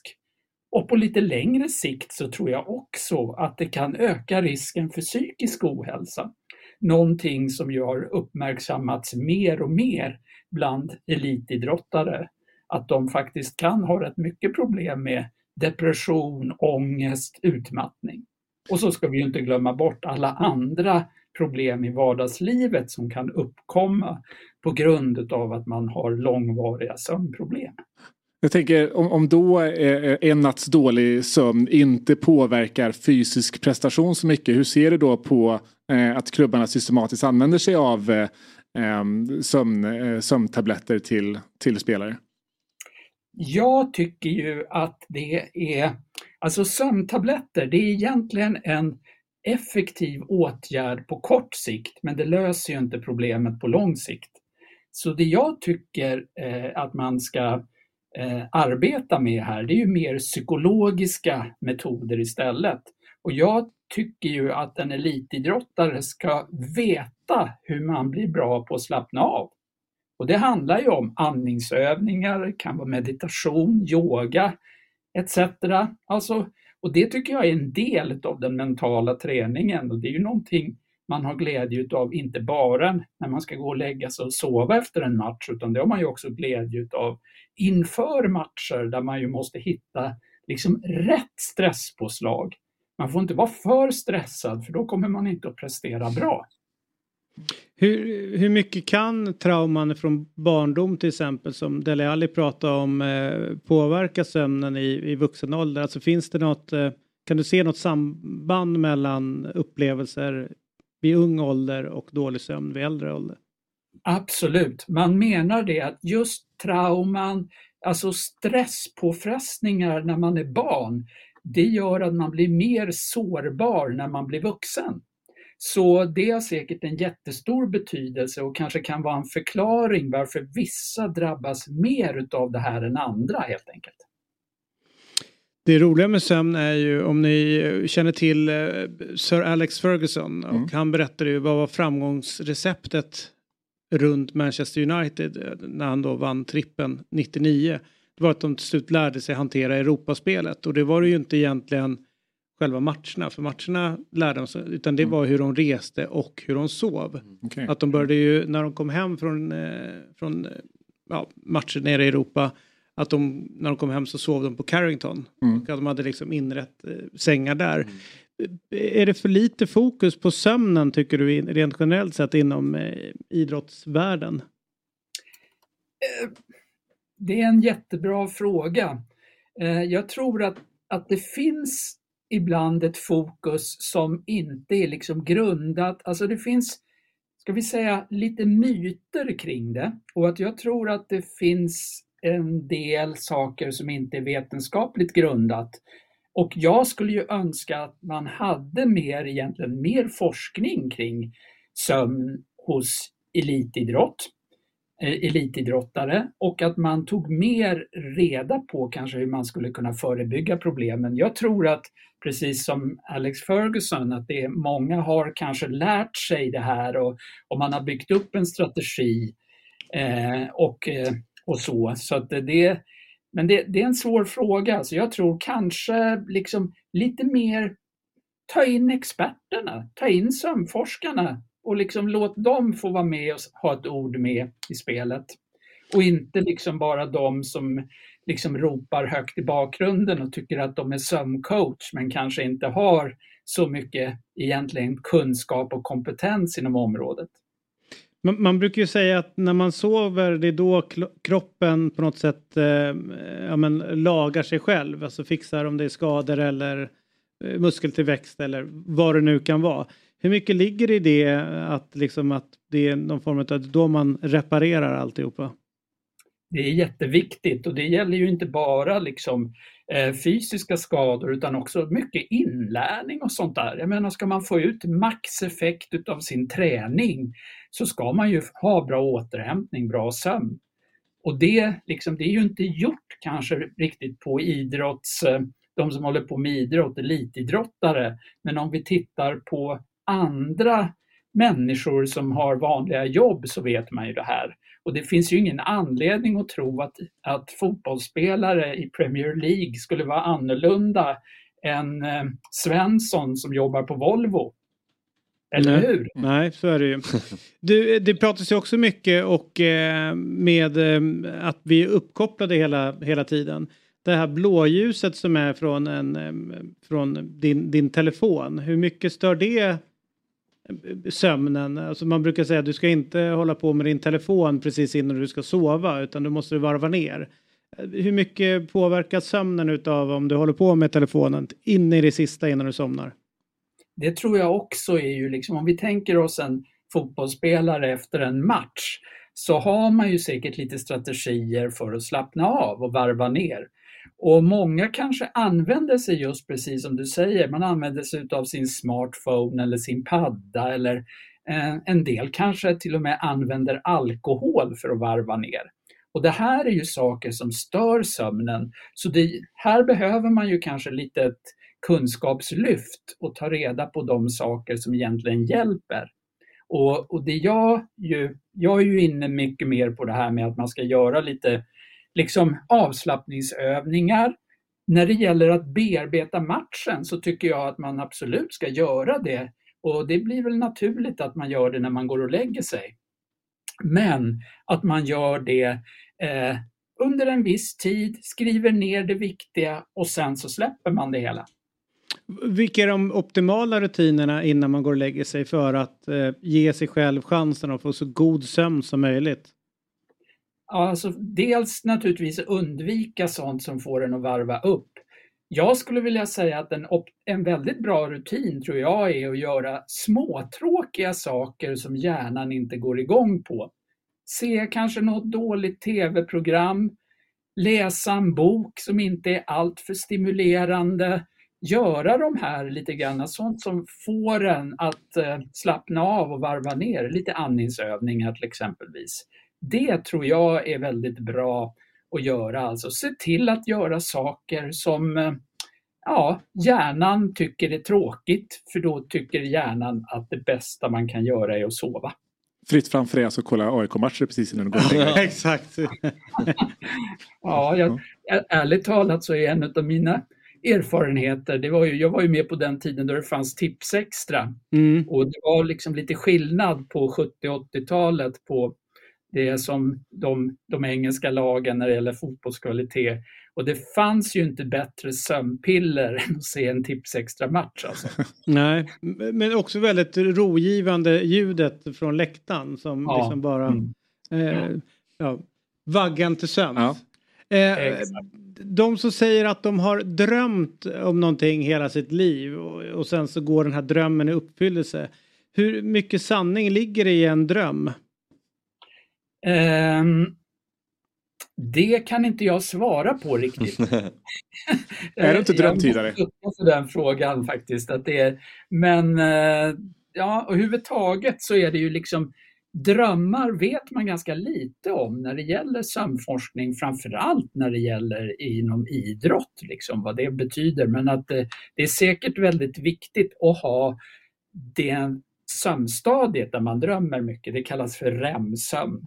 Så det är säkert väldigt viktigt för inlärning och sådana där saker och kanske för bearbetning. Det... Men jag tänkte jag skulle lägga till en sak också som jag tror är viktigt här för att, som man måste tänka eh, på när man är om man är nu en elitidrottsperson, fotbollsspelare på hög nivå, det är ju det att jag tror också det är viktigt att man måste acceptera att man ibland har sömnstörningar. Alltså det är ju ofrånkomligt. Jag menar egentligen så tror jag att elitidrott det är liksom en eh, ganska liksom osunt arbete utifrån ett sömnperspektiv. Och då får man nog acceptera att det ibland förekommer och så får man istället se till att kompensera för kanske sömnbrist och störd sömn, till exempelvis när man är ledig. Eh, kanske har en dag då det bara är en enklare träning eller någonting sånt där.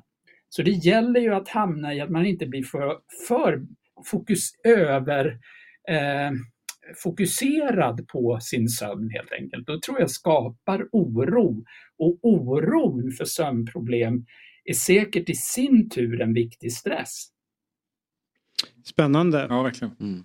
Alright, så vi ska konstatera långvarig sömnstörning är ett problem men om mm. det är kortvarigt så är det inte hela, hela världen. Och, eh, och sen så stress kan ju göra att man får sömnproblem men, eh, och, och vice versa. Sömnproblemen kan ge ett stresspåslag och, och sådär. Eh, Hitta knep. Hitta din väg för Hitta att din väg för att uh, kolla på AIK fotboll. Kolla på AIK fotboll ja, 2023. Ja. Det är konstigheter. eh, men oerhört spännande alltihopa. Mm. Sover du bra? Jo, men jag sover bra tycker jag. Jag är en sån person som sover kanske lite för lite. För att jag tycker det är roligt att eh, liksom, jag menar, jag tycker att det roligaste i livet är faktiskt att vara vaken, det är inte att sova. Men för att det ska bli riktigt roligt att vara vaken så måste jag ändå sova minst sex timmar per natt. Låter som du hittat rätt yrke. balanserar på den nivån.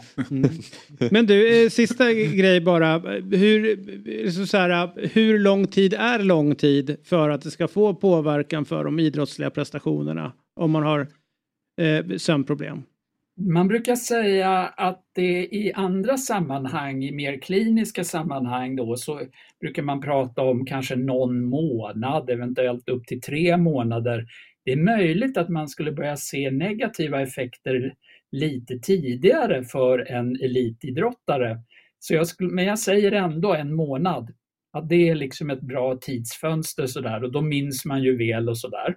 Och det man ska göra då, det är ju att man ska söka hjälp naturligtvis. Sök professionell hjälp helt enkelt. Experimentera inte själv, försök inte självmedicinera. Skäms inte för att du har sömnproblem utan ta upp det med eh, det medicinska teamet i laget helt enkelt. Och, liksom, och, och de ska ju absolut ha kompetens för att hantera det. Annars är det inte mycket till medicinskt team tycker jag. Har ni fått eh, mycket propåer från, från eh, idrottsvärlden om hjälp just med det här? Eller är det så att det, det blir det way out? De, de, de ger dem en sömntablett? Eh, jag har inte fått mycket propåer om det här. Från, jag vet att det är ju liksom nu till exempelvis i samband med fotbolls-VM som för damerna här så vet jag att det har diskuterats mycket och där är det ju liksom en jetlag, alltså att man är liksom ur fas med sin dygnsrytm. Och man har nog jobbat rätt mycket på att eh, förbereda det på ett bra sätt då, att spelarna ska anpassa sig så fort som möjligt. Men exakt eh, vad de gör, det vet jag inte, men det finns ju många sömnforskare i Sverige. Så att, och jag har faktiskt en före detta doktorand som har jobbat mycket med det här för ishockeyspelare tror jag och Mm. har ett särskilt intresse om det. Men om hon får tillräckligt mycket uppmärksamhet, det vet jag inte. Spännande. Hur lång tid tar det att um, Jetlagga bort sig eller? jetlagga bort sig? Nej, men det skulle jag tro för eh, liksom, det där är ganska långt bort så det är nog nästan två veckor. Oj, ja, då förstår man. Är, är, så att den, det, det man brukar säga en, en dag per timma, är det fort, fortsatt någonting man ska hålla fast Lite. vid? Lite åt det hållet när man åker österut. Åker man västerut så kan det nog gå lite snabbare. Så att det, och sen kan man väl eh, eh, jag vet ju att liksom inom NHL till exempelvis, där har man ju, vet jag ju att när de är ute på de här, liksom någon lag från västkusten åker till östkusten och att de har en, en roadtrip där, att det, de kan brottas mycket med de här problemen. Där är det ju både liksom stressen eh, på grund av sena matcher och dessutom att man ständigt då byter tidszon och sånt. Det ställer till naturligtvis problem, så är det ju. Men eh, det, det är liksom, jag, jag tror ju att det är för fotboll och när det är ett VM så där, det är klart att då finns det ju sätt att förbereda och jag Mm. utgår från att, att eh, svenska landslaget vet ungefär hur de ska göra och gör nog ganska klokt där för att spelarna ska kunna prestera på absolut topp och ta det där VM-guldet de längtar efter. Ja, vi kommer jogga hem det i år. ja, men hjälper nog inte att bli av med snuset. Nej, det var det jag tänkte på. Den, är, Den tullavgiften. Ja. Den, den, den, den ligger han och tänker på på kvällarna. ja, det gör han. den hade jag, jag hade plockat avgiften där. Ja. Alltså om, om det är viktigt att sova, då kan du inte komma dit och inte ha snus. Då kommer det rubba din sömn. Ja. Exakt. Och du kommer vara där en månad, minst. Så det här kommer ju påverka en del spelare. Ja, Då, då kommer det alltså förhöjd skaderisk och sämre prestationer. exakt. PGA, inget snus. Nej, exakt. Ja, där har vi det. All right. Eh, tusen tack för att du ville vara med. Eh, innan vi, du, vi släpper dig så är det så att eh, vi bygger en, en spellista och eh, då får eh, folk som är med oss eh, skicka in en låt till vår playlist. Vilken... Eh, Sömnlåt. Som man kan somna ingen- till. Nej, vi, nej. Vi har ju fått alla verktyg. Nu är vi vaken. Ja, okej. okej. Vilken låt vill du skicka in på vår lista? Då skulle jag skicka in en låt som jag har lyssnat på mycket under sommaren och det är en gammal Fleetwood Mac-låt som heter Albatross. En Här. instrumentallåt. Ja, men det är bra. Kanske då instrumentalt att det blir Ja, man bra. kan, man kan Jag använda tror lite hur man vill då, helt enkelt. Ja, Jag, exakt. jag Går det tror till att det skulle vara bra för att varva ner. Ja. Jag varvar ner bra till den i alla fall. Ja, det är bra. Och du har ju inga sömnproblem så det här är ju Nej. nyckeln till framgång. Väldigt Vil- konstigt med en eh, sömnexpert som inte gillar att sova. Ja, ja, det är för briljant. Det, är- Ja, ja. det är lite konstigt. Eh, och eh, innan vi avslutar, vilket är favoritlaget i England?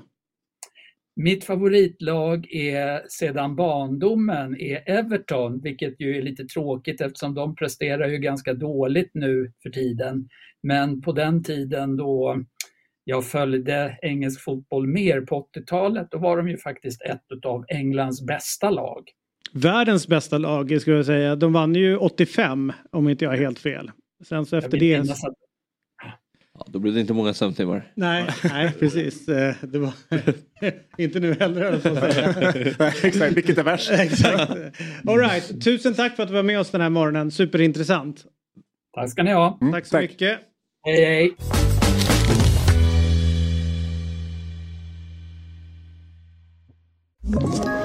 Ett poddtips från Podplay. I podden Något Kaiko garanterar östgötarna Brutti och jag, Davva, dig en stor dos skratt. Där följer jag pladask för köttätandet igen. Man är lite som en jävla vampyr. Man har fått lite blodsmak och då måste man ha mer.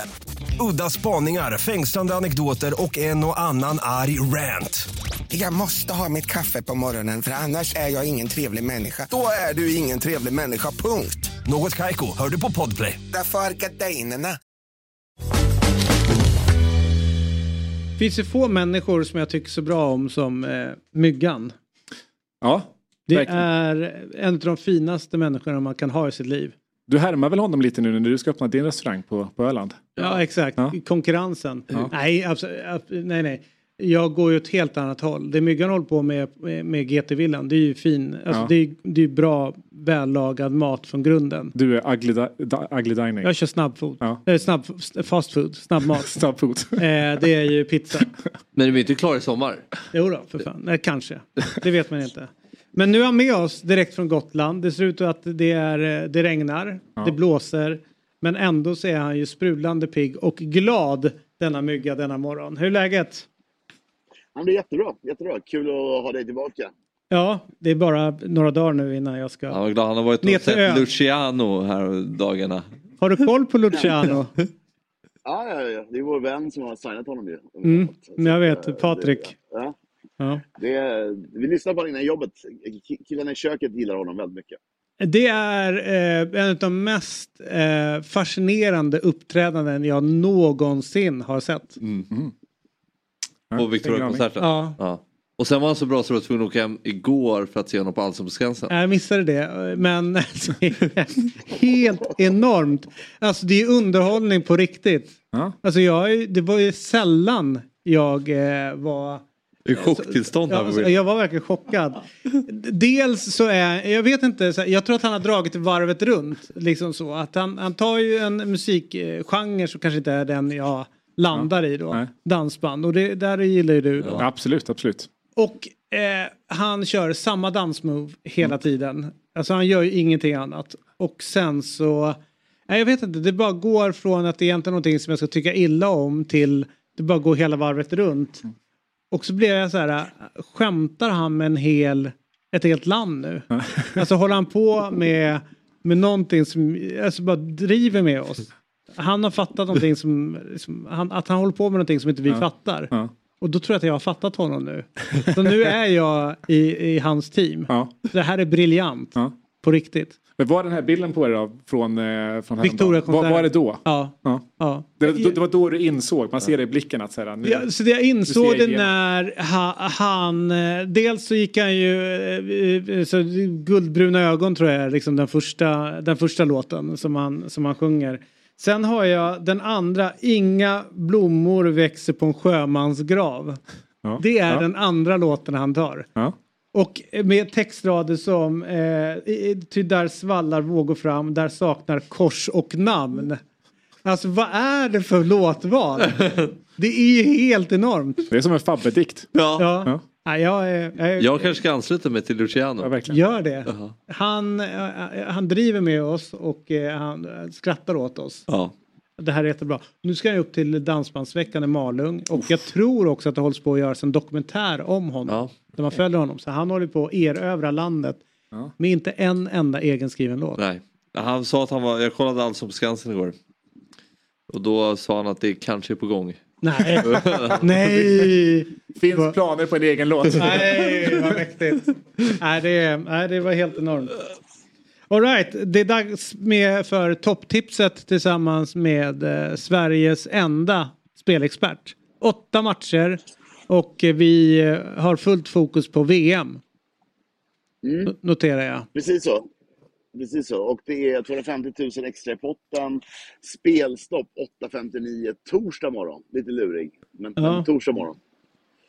Och eh, en hel del matcher och premiärmatcher är ju som det är. Det är lite stökigt. Så jag har bara två spikar. Det är Australien.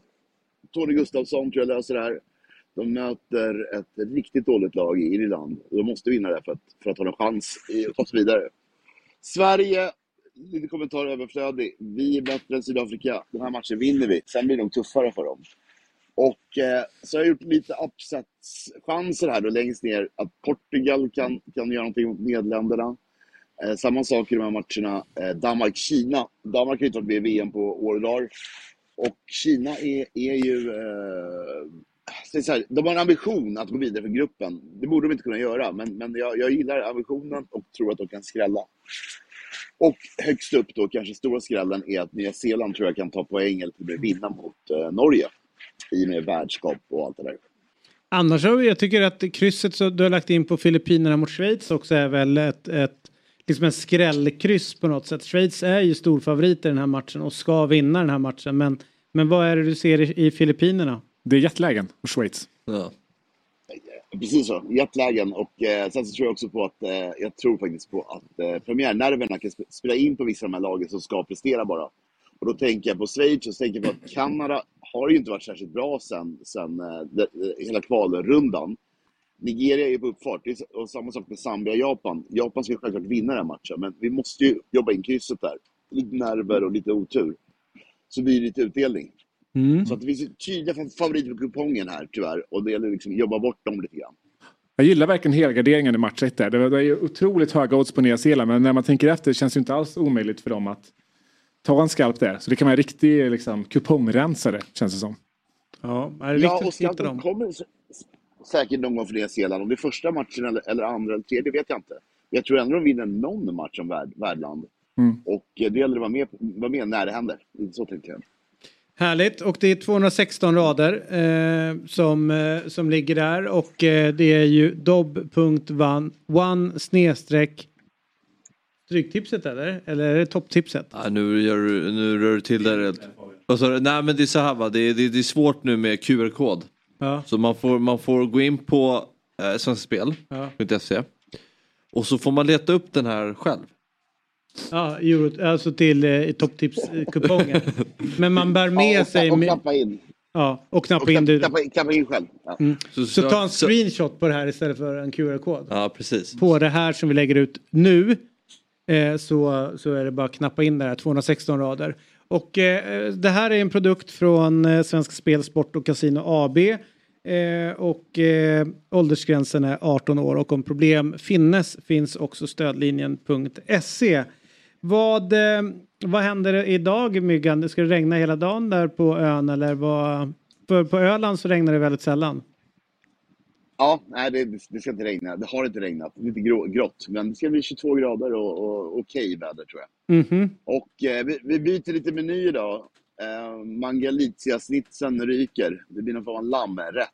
Mm. Så att det är spännande. Klart att lammet små ska käkas när man är på Gotland.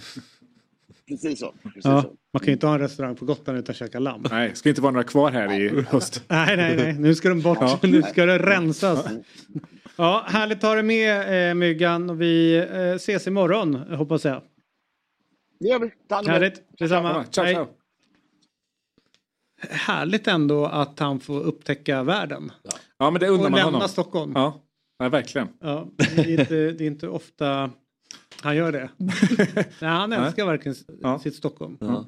Det är när du och han drar till den här eh, amerikanska butiken, vad den heter? Costco. Costco. Costco. Ja. Jävla fint ställe. ja. Alltså. Det var De borde vilja sponsra oss för att vi, eh, vi sponsrar ju dem. Det var ju den snöigaste dagen på året. Aldrig sett David åka bil. Då, då, då, då passade han på till Costco. Vet du varför? Ingen trafik. Ingen jävel var ute då. Vi var ensamma i butiken. Det var jag, Myggan och två till. Och sjukt många som jobbade. Ja. Så man gick runt som... De kanske till och med kan ha hjälp att bära då för det är storpack på allting. Det var så private shopping. Wow. Det var ju bara att gå Genialt. fram till folk. Jag- letar efter det här. De bara, du kan följa med här. Oj. Och gick hela vägen bort och berättade om de olika alternativen. Ja. Det är ett lifehack. Det är ett lifehack. Li, lika passande som den här sömnforskaren som uppmanar folk att vara vakna så länge som helst. Så ska David jobba för eh, Trafikverket. Uppmanar folk att åka ut i... När det är så dåligt sämst sämst väder. Generaldirektör. Ut och kör nu för fan. Finns inte mycket folk på, på vägarna. All right, nu ska vi prata med en fotbollsmorgon-favorit. Hon har gästat oss tidigare och det var ju fantastiskt trevligt. Hon spelar sin fotboll i Hammarby men även testat på proffslivet utomlands i en storklubb som Manchester United. För tillfället tillbringar hon spelledigheten hemma i Piteå där hon kanske springer på Micke Renberg Ja. eller Thomas Holmström. Mm. Det är ju en hockey, ett hockeynäste. Men också börjar det som gör sig gällande inom fotbollen. Och då damerna i Piteå. Herrarna typ division dem. 5 Ja. eller 4 eller något liknande. En riktig skam förbi när Ja, verkligen. Men damerna håller fanan högt.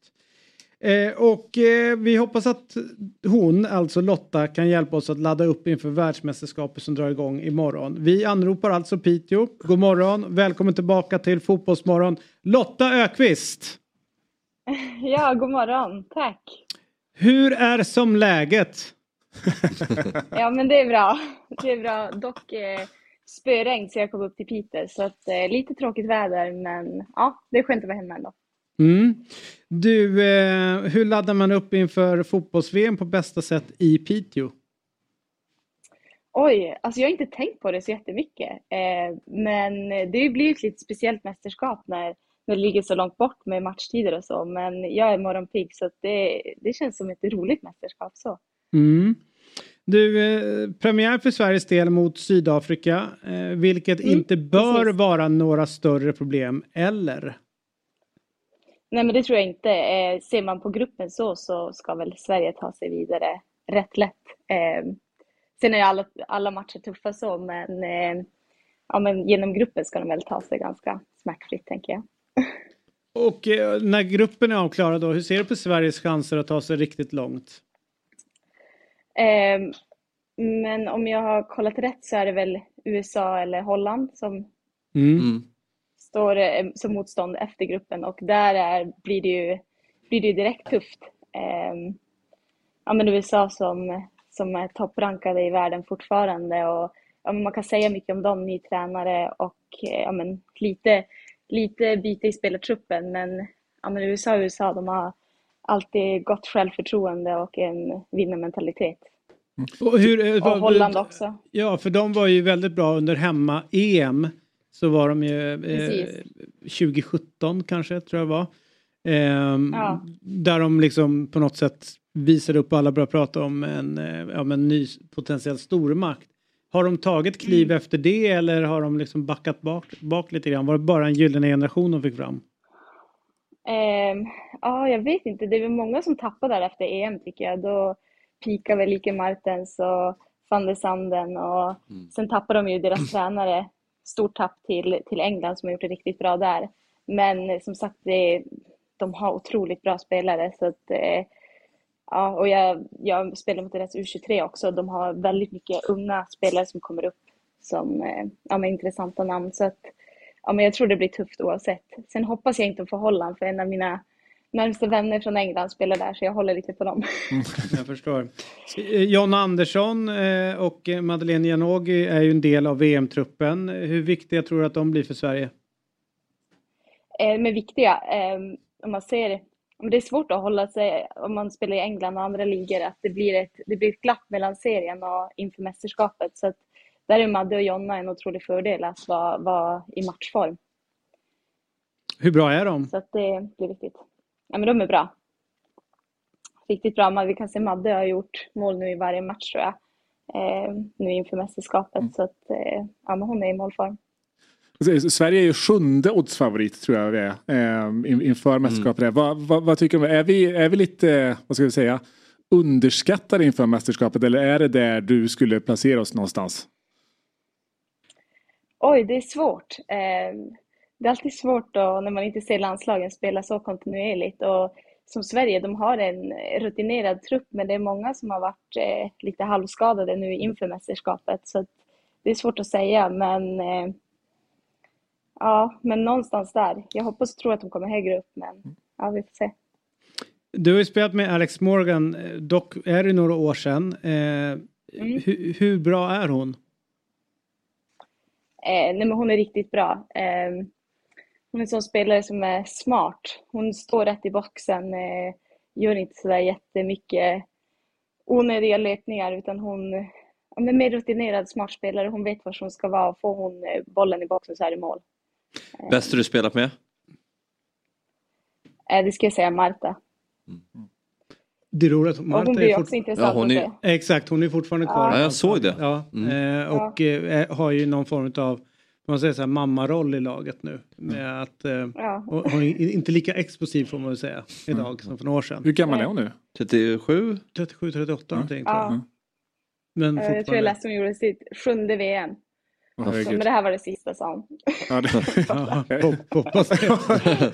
annars, annars får man ju dåligt sam- eller, Ja. så, här, ja, Ja. självkänslan bara. Ja. Men du, eh, vem skulle du säga är eh, VMs största stjärna? Oj, svår fråga. Eh, men det blir kul att säga Sam Kerr är ju bra och hon får spela ett hemma-VM. Ska bli intressant att se. Så Mm. håller ändå henne högt. Och eh, får jag säga då, eh, som du, nu, nu får du bara haka på här, men eh, eh, Sverige håller vi på, men sen är det ju England, du har ju ändå bott och verkat där, så att vi säger vårt England eh, och precis. deras chanser. Hur bra är de? Eh, Men jag, jag tror ganska hårt på England. Man kan, de saknar många. Eh, ja, men Beth Mead är borta. Vem har vi? Lia Williamson, Kirby. Men eh, de har otroliga spelare som fyller upp de platserna. Och efter EM förra året så tror jag att ja, men de kliver in eh, starka i mästerskapet. Så det ska bli kul att se. Sen är det många unga. Vi pratar med om Alessia Tuni som jag spelar med i United då, som, som säkert får ta en större roll inför det här mästerskapet. Men ser man på säsongen som har varit så har de gjort det otroligt bra, så det ska bli kul att se. Hur stor skillnad är eller, är det någon skillnad mellan hur de tränar i England och hur vi tränar i Sverige? För att alla säger ju att vi håller på att tappa lite grann inom svensk fotboll. Men eh, tränar vi på liknande sätt som ja, England som man pratar som en stormakt nu eller USA? Ja, ehm, det är väl kanske vissa klubbar i Sverige, ja, det saknas ju fortfarande, det är fortfarande en liten semiprofessionell liga så att eh, många tränar ju på eftermiddagen så det finns ju inte tid att träna samma mängd som de engelska lagen tränar ju alla på förmiddagen och har en proffsverksamhet. Så absolut så har de ju hårdare och bättre träning Ehm, och mer tränare, mer ja, men coacher runt omkring laget. Så att absolut ligger vi ett steg bakom där, tyvärr. Tyvärr. Du, eh, ja, eh, innan vi släpper dig så är det ju två frågor. Dels så är det ju låt. Eh, Lotta måste ju skicka in en låt till vår spellista. Ah. Och ah, sen så har vi någon vilka... VM-spellista eller? Nej, utan det, vi håller på med Ja. världens längsta spellista. Ah, Eh, okej. Så att man, viktiga människor får skicka in eh, viktiga låtar helt enkelt. Så där Ja, är du både viktig och Nära. en låt. Ja, ja, om det är. Eh, Så att först din låt. Alltså så här bara på uppstuds? Japp. Nej, men gud. Nej. Alltså, någon låt som du gillar, eh, någon låt som du gillar eller en favoritlåt låt historiskt sett eller, Senaste låt. eller senaste låt du lyssnar på eller Första låt. ja. Eller någon du gjort själv. någon du... ja exakt, en egenkomponerad. Lu- Luciano. Luciano. Eh, oj. Något När du sitter och kör i bilen så här, och den här låten kommer på radion eller i din playlist. Och d- vilken är det då? Du höjer volymen något Alltså jävligt ju, och börjar sjunga skämmigt, jag är till. ju sämst musik. Jag är ju en sån som inte ens slår på radion i bilen. Någonting som påminner om Pite. Eh, nej men det kan jag inte säga, då kommer alla Det är hit man kommer när man kommer hem. Nej, det har jag aldrig hört. Nej, vad är det? Nej. Vilka, vilka, vilka är det med? Eskifuret heter de. Ja, men då tar vi den. Den är, är helt unik. Då får du kasta in den.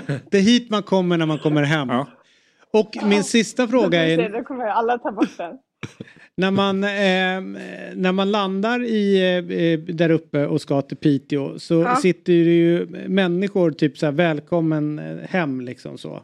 Och då är det ju, han heter Lasse, eller någon Eriksson eh, tror jag det är och så är det Micke Renberg och, och några andra. När, är du, när kommer ditt namn upp där på flygplatsen? Alltså ditt ansikte. Oj, bra. Bra fråga, men eh, ja, då kanske om jag skulle ta mig till en VM-trupp en vacker dag. Och, vi, och vinna VM. Då dyker det upp. Ja, kanske Ja. då. Måste vi börja jobba in. Ja, men om fyra Ja, men jag och ett halvt år då? Ja, fyra och ett halvt år. Ja. Ja, precis.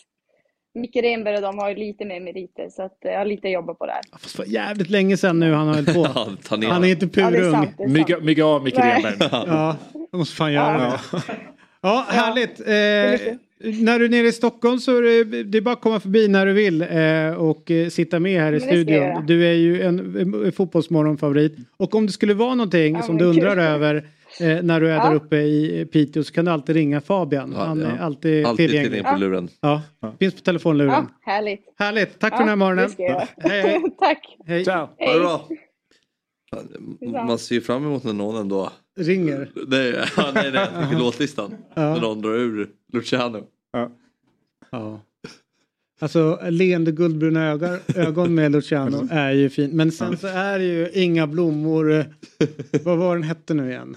Det borde du veta, det är ju dansbandsmusik. Ja, men jag kan bara Sven-Ingvars eh, Inga låtar. blommor växer på en sjömansgrav. Nej. är ju en jävligt stark, eh, starkt bidrag. Ja, ja. Är den, öppnar du med Stefan den imorgon? Borsch var det som Ja, men det spelade in kanske det. Okej. Ja. Vi Känner du till Stefan Borsch? Jag lever för Stefan Borsch. Ja, men du kan inte ens rätt första låtar. Nej. Det är skandal. Ja. Okej, så här är det. Eh, nu ska vi till vår sista gäst denna morgon. Ja. Och det här är ju en eh, person som jag har sett sen eh, liksom mer eller mindre han kom, eh, såg, såg jorden, Okej. livet, Ja. eh, för första gången. Eh, och har ju eh, följt honom noga. Han började i IFK Lidingö, testade lycka, lyckan i Italien och AC Milan. Inför säsongen 23 lämnade han klubbens lag då för eh, Torino. Mm. Coola klubbval båda två. Men nu tillbaka i svensk fotboll igen för spel i Hammarby. Och det coola är ju som vi sa tidigare, eh, liksom född in i Bayern via då en eh, pappa som jag då tycker har lite tvivelaktig smak. Men ändå liksom så här, det är ju familjen älskar Bayern Och nu får han representera Hammarby. Skithäftig resa. Klingar inte med Lidingö dock. Eh, jo, där, vad, vad, hur kan du säga det? Vilken är den största IFK Lidingö-produkten? Eh, nej men Dorsin blev väl stor. Ja, just det måste det vara. Ja. Men sen så tror jag att eh, det, den vi ska prata med nu kommer att Ja. bli den största produkten från Lidingö. Kapten i, i pojklandslagen, jag tror det varit alltid. Och har ju eh, liksom alla, alla förutsättningar för att bli en, en ny svensk stor mittfältare. Mm. Ska jag säga. Verkligen. Välkommen till Fotbollsmorgon säger vi till Vilgot Marshage. Hur är läget så här tidigt på morgonen för dig? Tack, tack grabbar. Läget är bra. Eh, känns bra. Kul att vara här. Du, eh, hur stort är det? Eh, för jag vet ju, du vet ju också att jag håller på och bråkat med dig om vilket lag som man ska spela för i Stockholm och så vidare. Men jag vet ju hur inbiten Hammarbyare du är och nu får skriva på för liksom sitt eh, ja, men, stora favoritlag. Ger en extra känsla? Alltså ger en extra pirr sådär? Ja, såklart. Eh, Hammarby är en barndom, barndomsdröm för mig och som du säger så har jag hållit på Bayern sedan jag var liten. Så länge jag kan minnas liksom. Så att eh, den känslan när jag skrev på var fantastisk.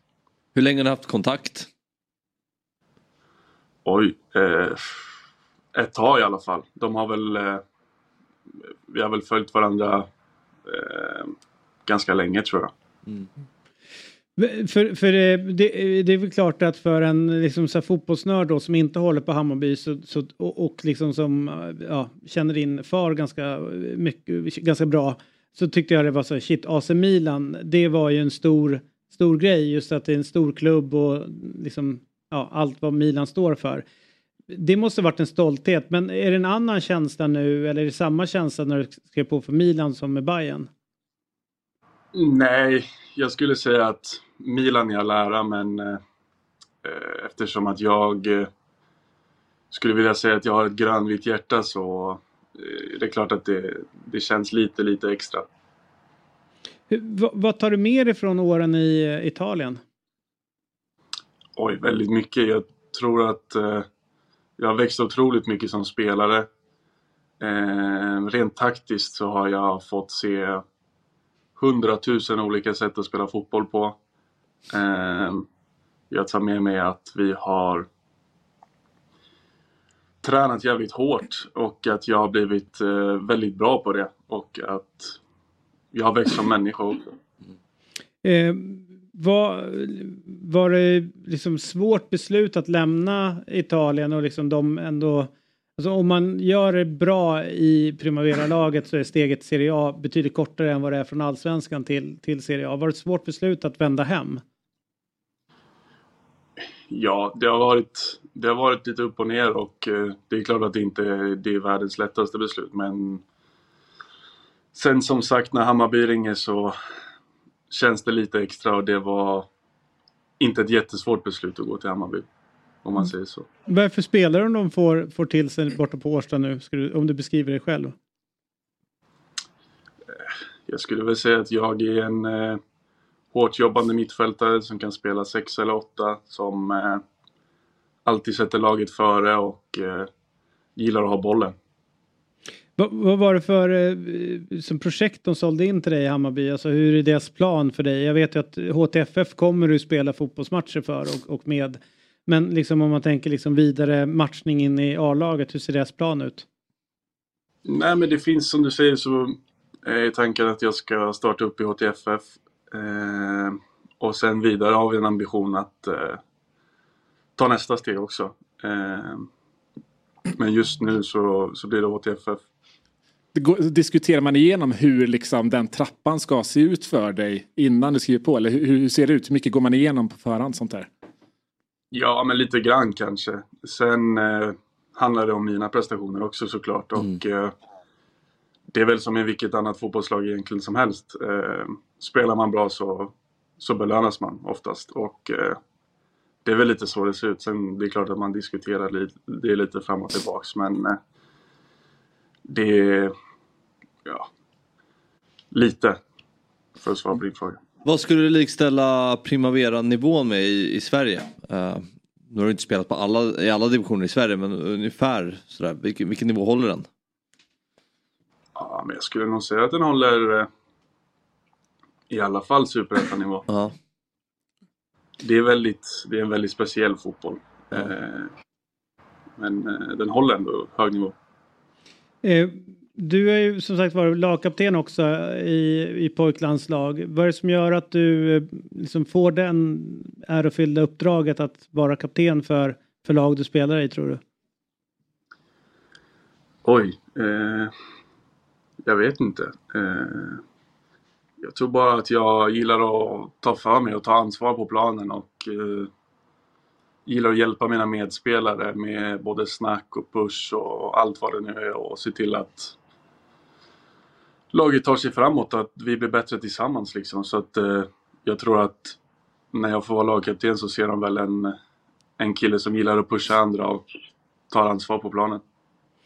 Vilka förutom du skulle liksom eh, peka ut utav alltså kommande generation storspelare, vilka, vilka kan du peka redan nu på att den där kommer bli bra, det är en bra jäkel? Jag gillar ju Marcus Karlsson, högerbacken i Hammarby. Eh, Montader är bra. Majed. Eh, sen såklart, jag har alltid, alltid sagt, jag kommer ihåg att jag sa det i förra avsnittet jag var med och ser också, att Viljot är wow. Mm. Eh, det är väl de egentligen. Sen eh, finns det många andra duktiga spelare, men jag håller mig till dem.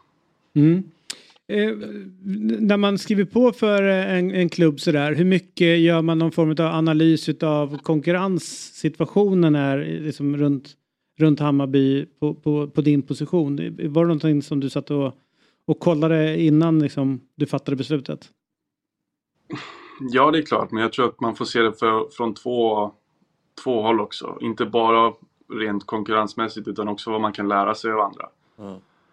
Eh, sen är det klart att man kollar på det också och har lite koll och jag som Hammarbyare har väl lite extra koll på vilka spelare som spelar och inte men eh, jag vill väl säga att jag ser det från två olika håll eh, och att jag inte bara konkurrerar med spelare utan att jag faktiskt varje dag på Årsta kan lära mig av spelare också.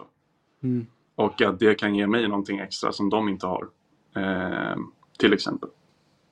Du pratar om ett projekt också. Nej, men jag tänkte, alltså, Hammarby nu, jag, jag beundrar liksom den här unga satsningen som, som Hammarby gör nu, verkligen. Eh, och jag tänker, hur mycket, för du är ju verkligen en, en fjäder i hatten-värvning för, för Hammarby. Hur mycket spelar det in i att de har den här strategin nu med de unga spelarna, har den här liksom, eh, relationen med, med HTFF. Jag tänker, hur mycket spelade det in kontra liksom, om ett annat lag hade kommit in som ja, kanske inte riktigt har den traditionen av att liksom, förädla unga spelare på samma sätt?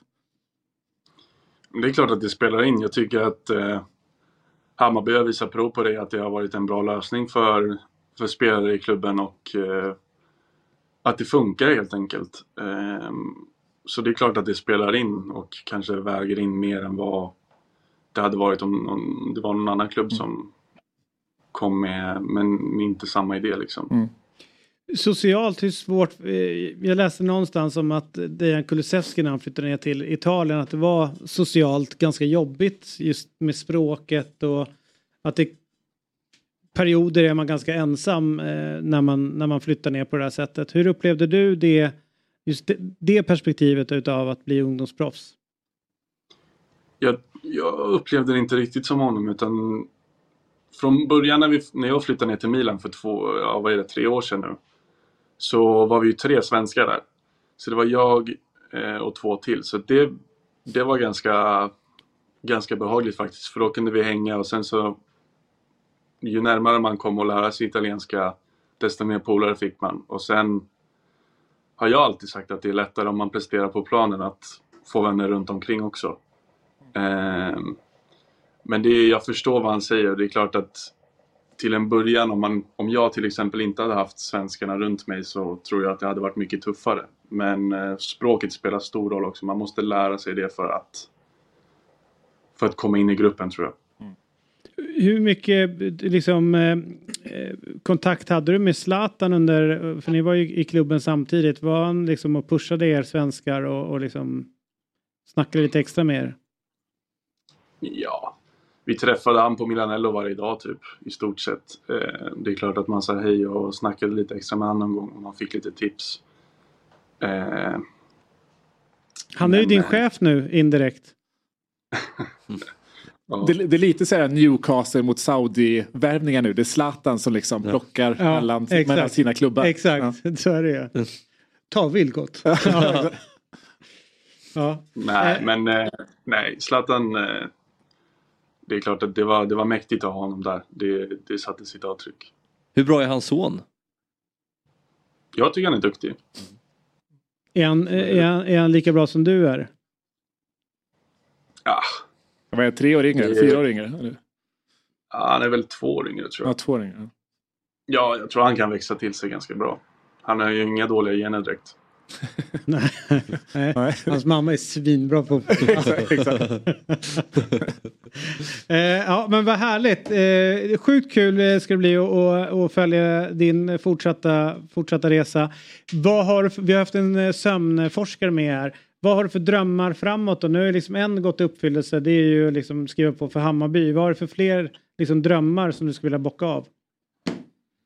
Ja, det måste vara att få lira på Tele2 eh, framför alla de fantastiska fansen och eh, bara gå in och njuta av att spela en fotbollsmatch på Tele2. Det, det är målet, 100%.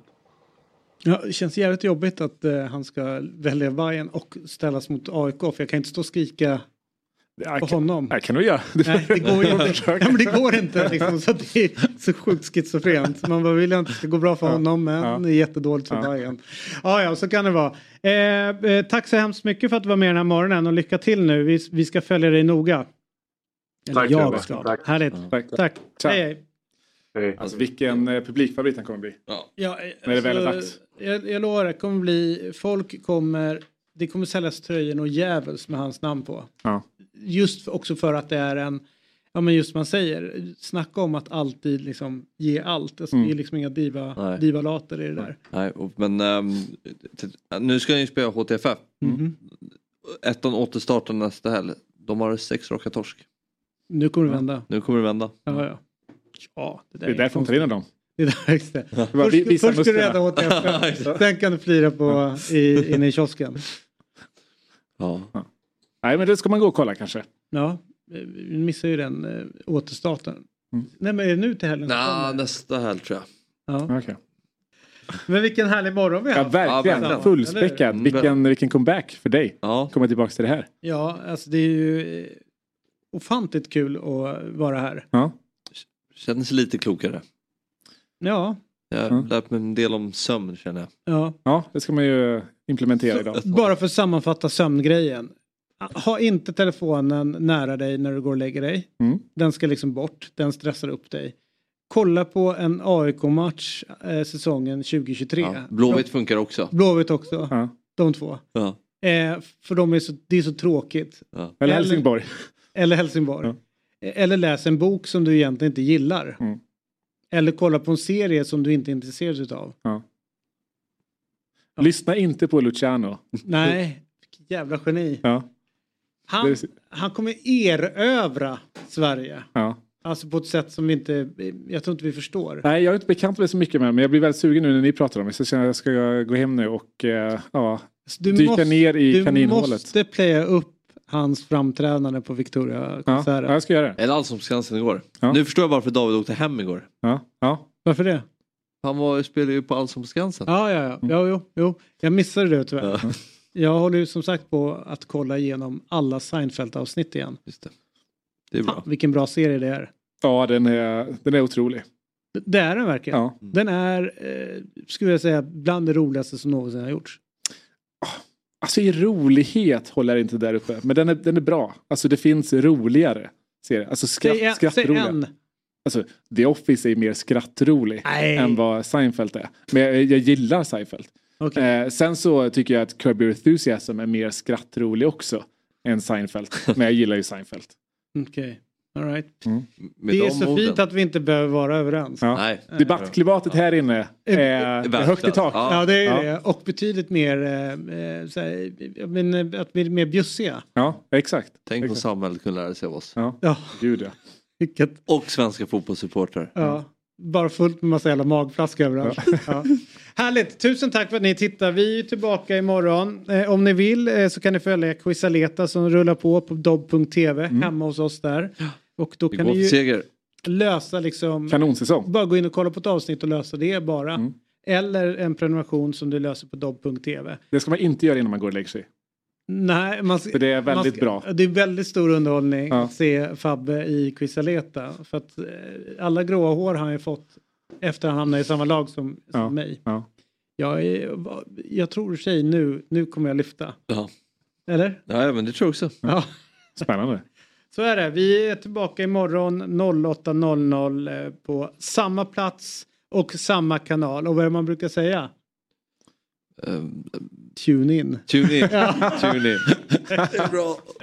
Och det är bara att ringa. Ja, det är bara att ringa. Hej då. Hej då. Fotbollsmorgon presenteras i samarbete med Oddset, betting online och i butik. Carlsberg, alcohol free. What's your game day ritual?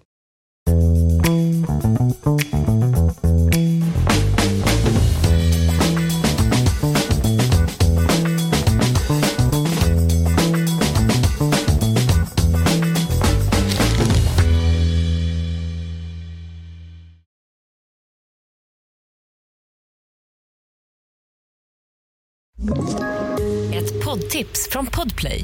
I fallen jag aldrig glömmer djupdyker Hasse Aro i arbetet bakom några av Sveriges mest uppseendeväckande brottsutredningar.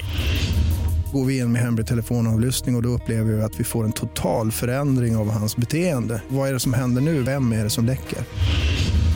Och så säger han att jag är kriminell, jag har varit kriminell i hela mitt liv men att mörda ett barn, där går min gräns. Nya säsongen av Fallen jag aldrig glömmer på Podplay.